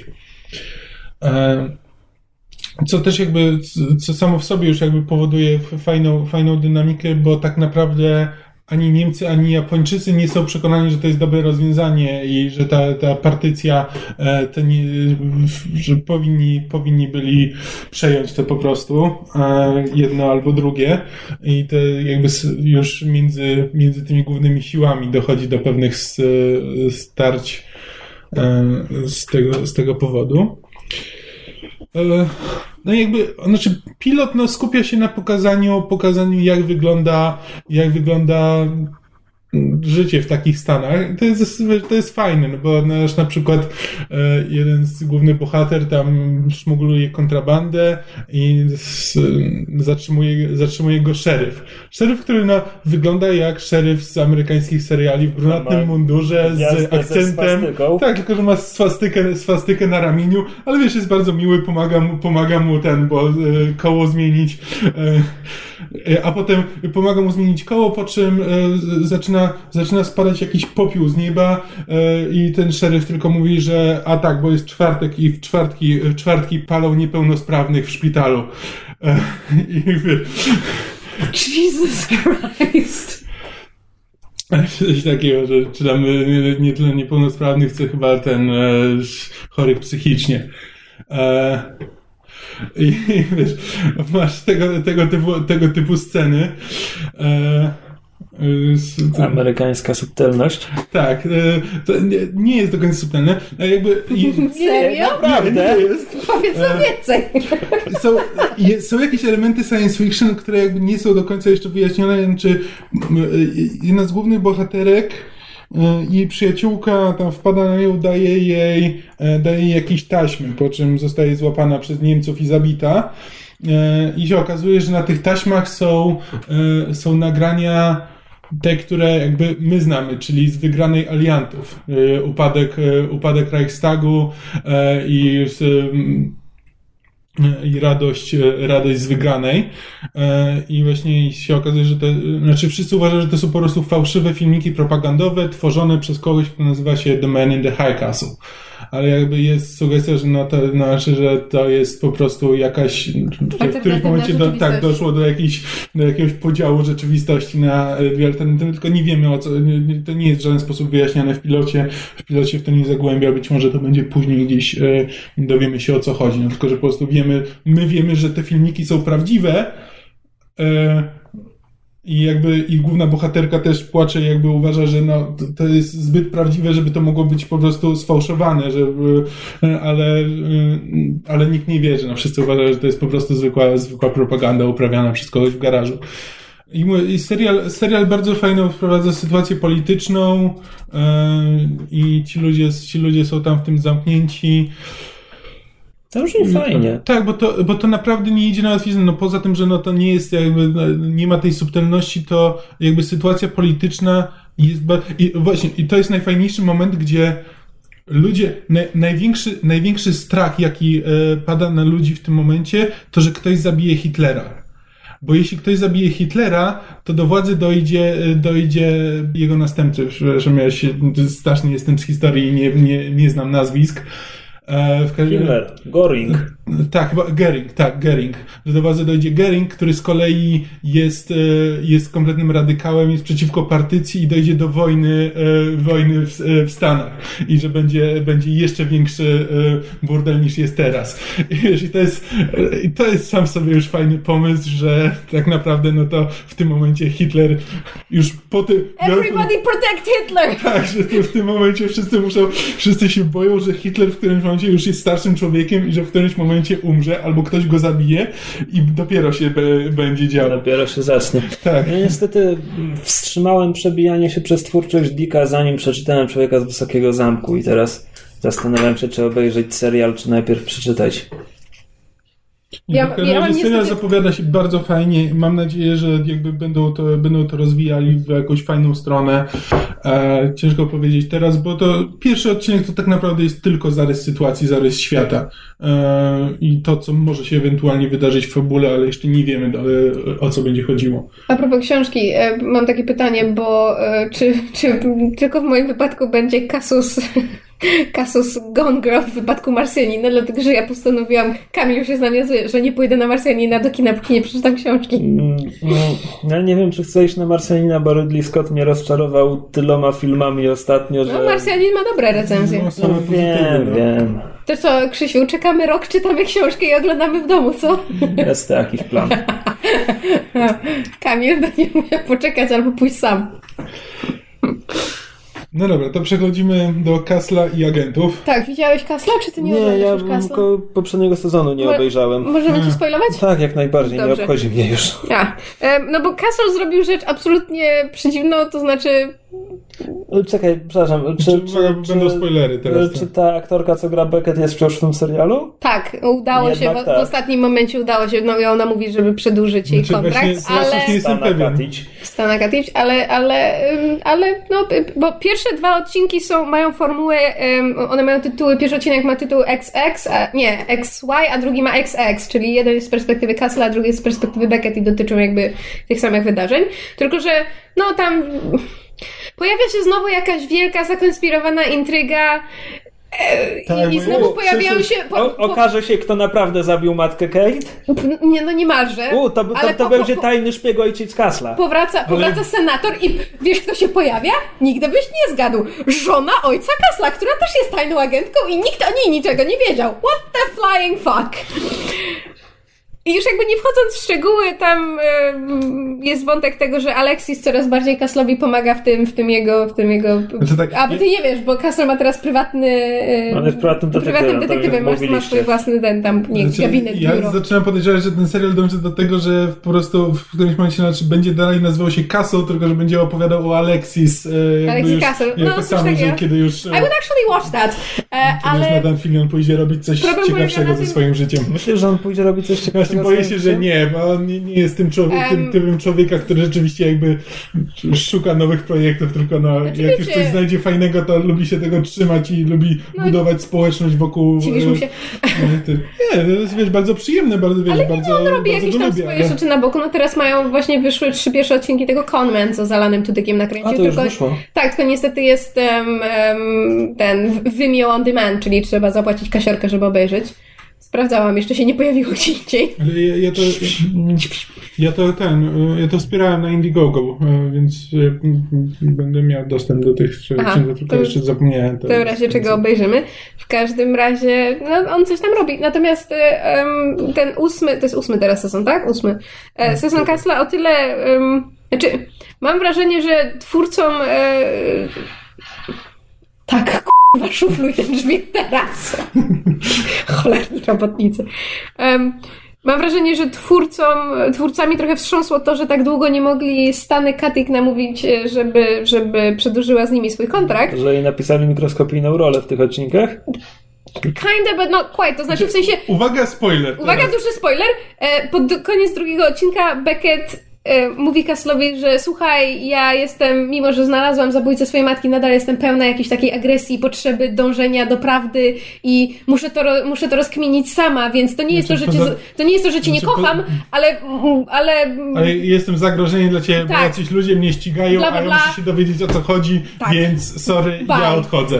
tak. Spadam do Tybetu. Tak. Basically, tak, E, wiesz, jest. uprawiać jogę i szukać siebie, natomiast e, po- podejrzewam, że K- Castle teraz zmieni formułę właśnie, że będzie e, zagadki kryminalne będzie rozwiązywał Castle.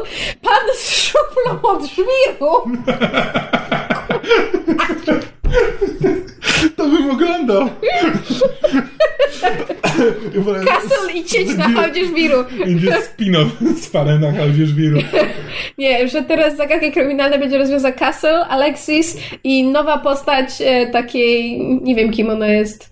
Nie wiem, jakaś łowczyni nagród Tak, jakieś, jakieś headhunterki, e, em, która się pojawia właśnie na początku i tam niby niechętnie, ale Kaslowi pomaga, oni się tam do siebie przekonują. Ona z kolei zaczyna trochę tam radzić Alexis i szkolić ją, jak być lepszym prywatnym detektywem.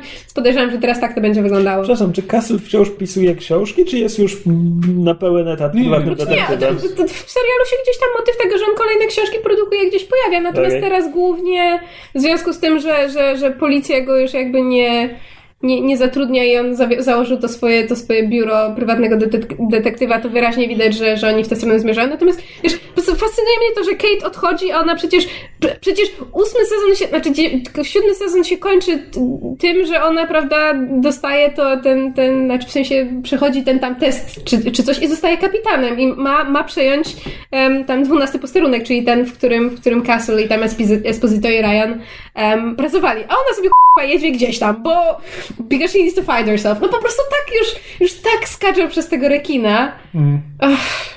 Znaczy, ja nadal oglądam ten serial z ym, jakąś tam przyjemnością, bo tam niektóre case'y są fajne i jednak Nathan Fillion ma dużo uroku i Alexis teraz właśnie odgrywa większą rolę i ona też jest strasznie sympatyczna. Natomiast i jakby relacja między Castle a Beckett w momencie, kiedy scenarzyści nie próbują jej na siłę komplikować, nadal działa. Ja nadal widzę chemię i uczucia między tymi postaciami. Natomiast ja nadal utrzymuję to, co twierdzę od dłuższego czasu, że serial Przeskoczył Rekinę, gdzie to było w szóstym sezonie, kiedy pojawił się właśnie ojciec Kasla, tajny agent, o którym nikt nie miał pojęcia i ja już od tego momentu totalnie olałam jakiekolwiek prawdopodobieństwo w tym serialu, co nie zmienia faktu, że on nadal mnie czasami wkurza. No i tutaj nie wiem, jak oni sobie wyobrażają bez, bez Beckett. To nie jest to samo bez Beckett. No ale zobaczymy. No to może co, agenci? Hurra, agenci wrócili. Kompletnie zapomniałam, że Phil stracił rękę.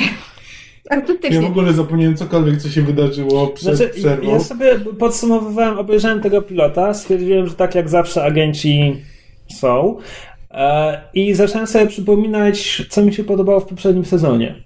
W całym sezonie, na te 20, nie wiem, 6 odcinków, czy ile to było, zapamiętałem dwie sceny, które były naprawdę fajne. I dwie sceny na cały sezon, jakby, jak sobie uświadomiłem, że taka jest, jakby taki jest stosunek fajnych momentów do czasu trwania całości, No. to po raz 58 zadałem sobie pytanie, czemu ja to jeszcze oglądam. Znaczy, I jak już mi odpowiedź? Nie wiem. Nie wiem. znaczy, mi się teraz ten początek trzeciego sezonu w miarę podobał. Wygląda na to, że będzie o czymś. No właśnie, o to, odmianą. to, to jest pierwsze, pierwsze, co napisałem do Krzyśka, to że o, ten serial wygląda na to, że jest o czymś w końcu. Aczkolwiek drugi sezon też się tak zapowiadał, a potem się rozmył. Tak, to prawda, no bo nie wiem teraz jak się na tych Inhumans, no ale liczę na to, że oni rzeczywiście, bo teraz mają plany jakby większe, żeby tych Inhumans, żeby zastąpić X-Menów Inhumanami, więc liczę na to, że będą ten wątek ciągnęli rzeczywiście jakoś ym, fachowo, a nie tak po łebkach jak do tej pory. Zwłaszcza, że potem to się chyba Inhumans się potem w filmach pojawią, więc oni jakby... Znaczy, To jest wprowadzenie, nie? Ostatni film z tej tam czwartej czy trzeciej, czy która to jest teraz faza MCU, Teraz to, to ma być trzecia. Inhumans. Dobrze mówię? Teraz będzie trzecia. Tak. Tak, więc zasadniczo teraz zastą- zastąpili homoseksualistów imigrantami. Bo tak jak. Przepraszam, co? Nie, jak Let śmiałem się. Tak, śmiałem się, że no bo jak X-Meni stali się metaforą, metaforą jakby prześladowania na tle na, e, orientacji seksualnej, trochę. Przynajmniej no po filmach. Po, e, po, No, u Singera tak. E, tak, no ale że jako takie mniejszości, no to tutaj jest ewidentnie mamy cały czas strach przed tym obcym zagrożeniem. E, I z, e, trochę takie mam wrażenie, że to jest, że to jest taka ma być, że chcą mieć, no, że chcą mieć autentycznie X-Menów, tylko że troszkę to... Mutantów konkretnie. No tak, mutantów, że chcą mieć moce, chcą mieć właśnie nieskończone źródło postaci z mocami. E, to tylko, że zmieni troszkę tą metaforę, gdzie też jest jakby prześladowanie mniejszości, tylko że już bardziej etnicznie, bo teraz, bo oni są z kosmosu Tylko i rzecz- nie wiemy, co, czego chcą. Rzecz w tym, że znaczy, bo. Oczywiście to jest że- element zagrożenia wewnątrz, no bo ci ludzie są normalni, a potem wiesz, No ale to mutanci też. wypiją fish oil i ten. I Że- bo Kami mówi o zagrożeniu z zewnątrz, to jakby trochę Nie no, no w sensie, że to jest tak, że to są obcy, no, że w sensie, że to jest z kosmosu jakiś tam, jakaś tam moc i że No właśnie, nie ale to jest moc kosmosu, to nie są ludzie z kosmosu, to są normalni ludzie, którzy potem zyskują dodatkowe mocy, więc to jest co tak, a nie wiadomo jak ta moc z kosmosu na nich wpływa i czy nie ten. Rzecz, rzecz w tym, że żeby móc tak przedstawić Inhumans, znaczy nie żeby móc, po prostu żeby przetrzeć drogę, e, Marvel zmienił Inhumans w komiksie, żeby upodobnił komiksowych Inhumans do, do mutantów właśnie w ten sposób, że tam coś krąży po świecie, co aktywuje mm, ten mm, ten, ten, ten tę moc, te, to, to dziedzictwo Inhumans u ludzi, którzy nie mieli pojęcia, że, że są e, spadkobiercami Inhumans, czy potomkami, czy kimkolwiek. E, I dlatego właśnie teraz mogą tak po cichu wypychać mutantów, zastępować ich Inhumans. Problem w tym, że ta mu- metafora mutantów z X-Men, która jest bardzo problematyczna, od choćby na zasadzie takiego odczytania, że no fajnie, ale taki przeciętny, uciskany gej nie powali tłumu promieniami optycznymi. tak, tak. E, no ale, I wish! no ale y, tak, więc ta metafora zawsze miała wiele, wiele problemów, ale jakoś tam pasowała do X-Menów. Natomiast Inhumans to jest grupa, która oryginalnie to była, wiesz, królewska rodzina arystokratyczna władająca miastem ukrytym gdzieś na środku oceanu, czy w Himalajach, nie pamiętam co było pierwsze, e, która stosuje eugenikę, utrzymuje niewolników.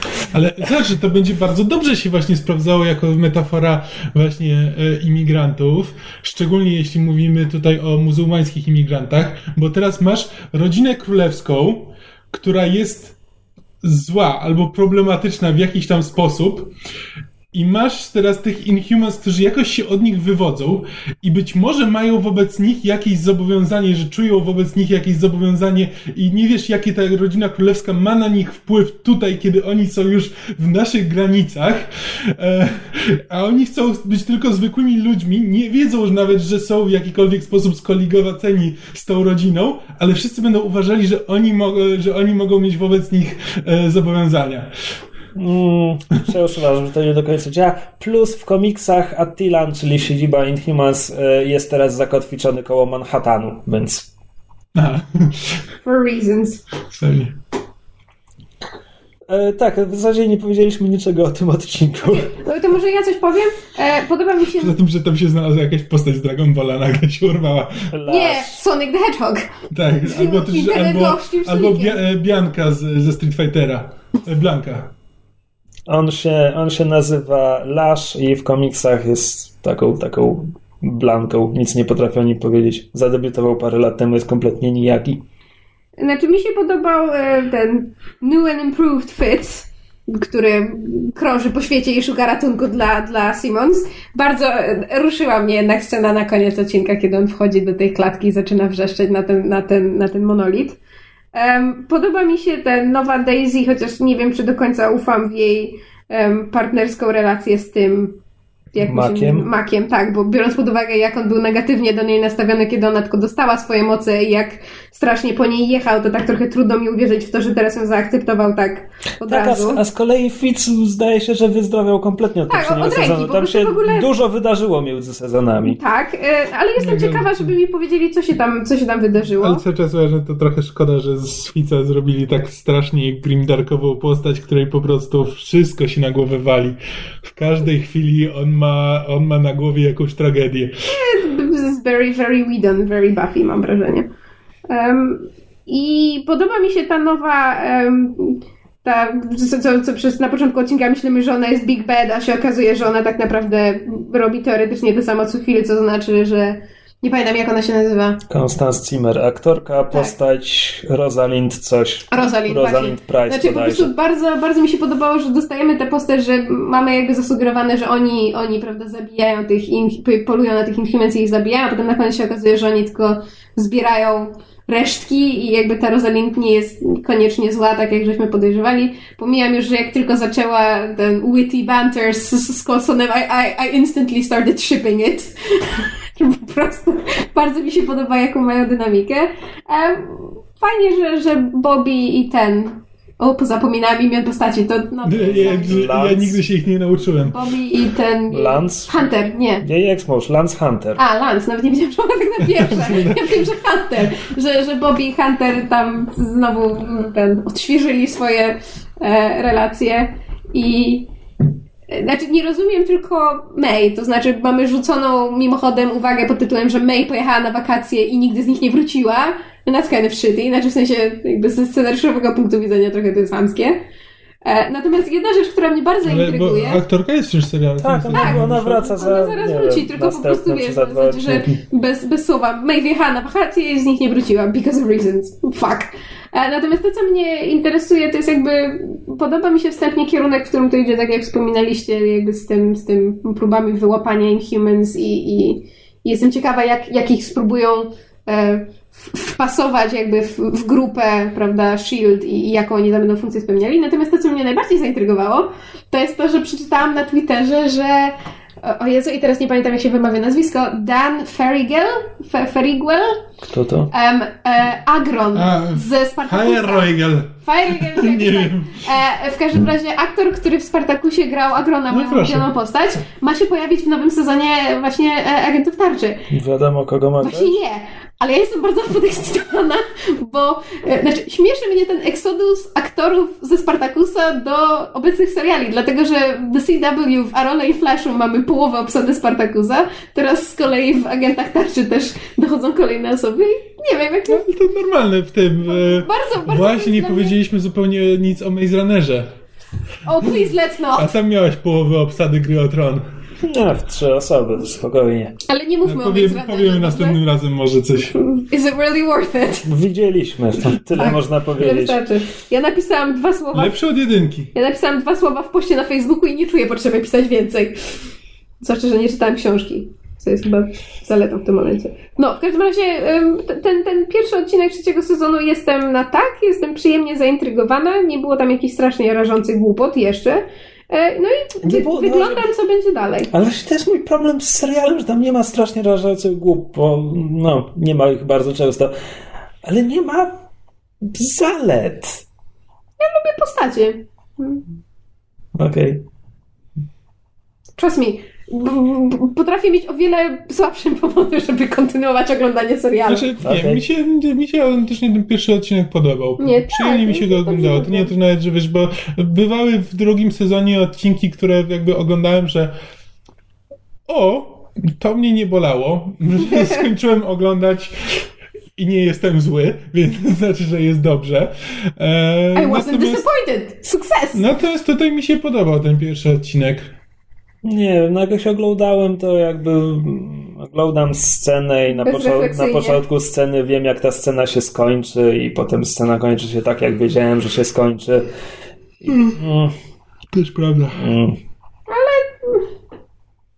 Nie wiem, dla mnie to jest takie lekkie po prostu oglądadło, które sobie oglądam, które raz na jakiś czas zaskoczy mnie czymś fajnym albo wzbudzi jakieś silniejsze emocje. A tak poza tym, no to sporo mam Wiesz, to takich Powiedzmy oglądadeł. sobie No. szczerze, że ten serial powstał wyłącznie dlatego, jakby i kontynuuje wyłącznie dlatego, że i tak nawet jeśli nam się nie podoba, to i tak będziemy go oglądać, bo trzeba go oglądać, żeby potem móc oglądać MCU. Właśnie trzeba. nie, bo Nie nie trzeba- leje na Znaczy, ten serial. Nie, ale właśnie o to chodzi, że nie ma nic, co się dzieje w MCU.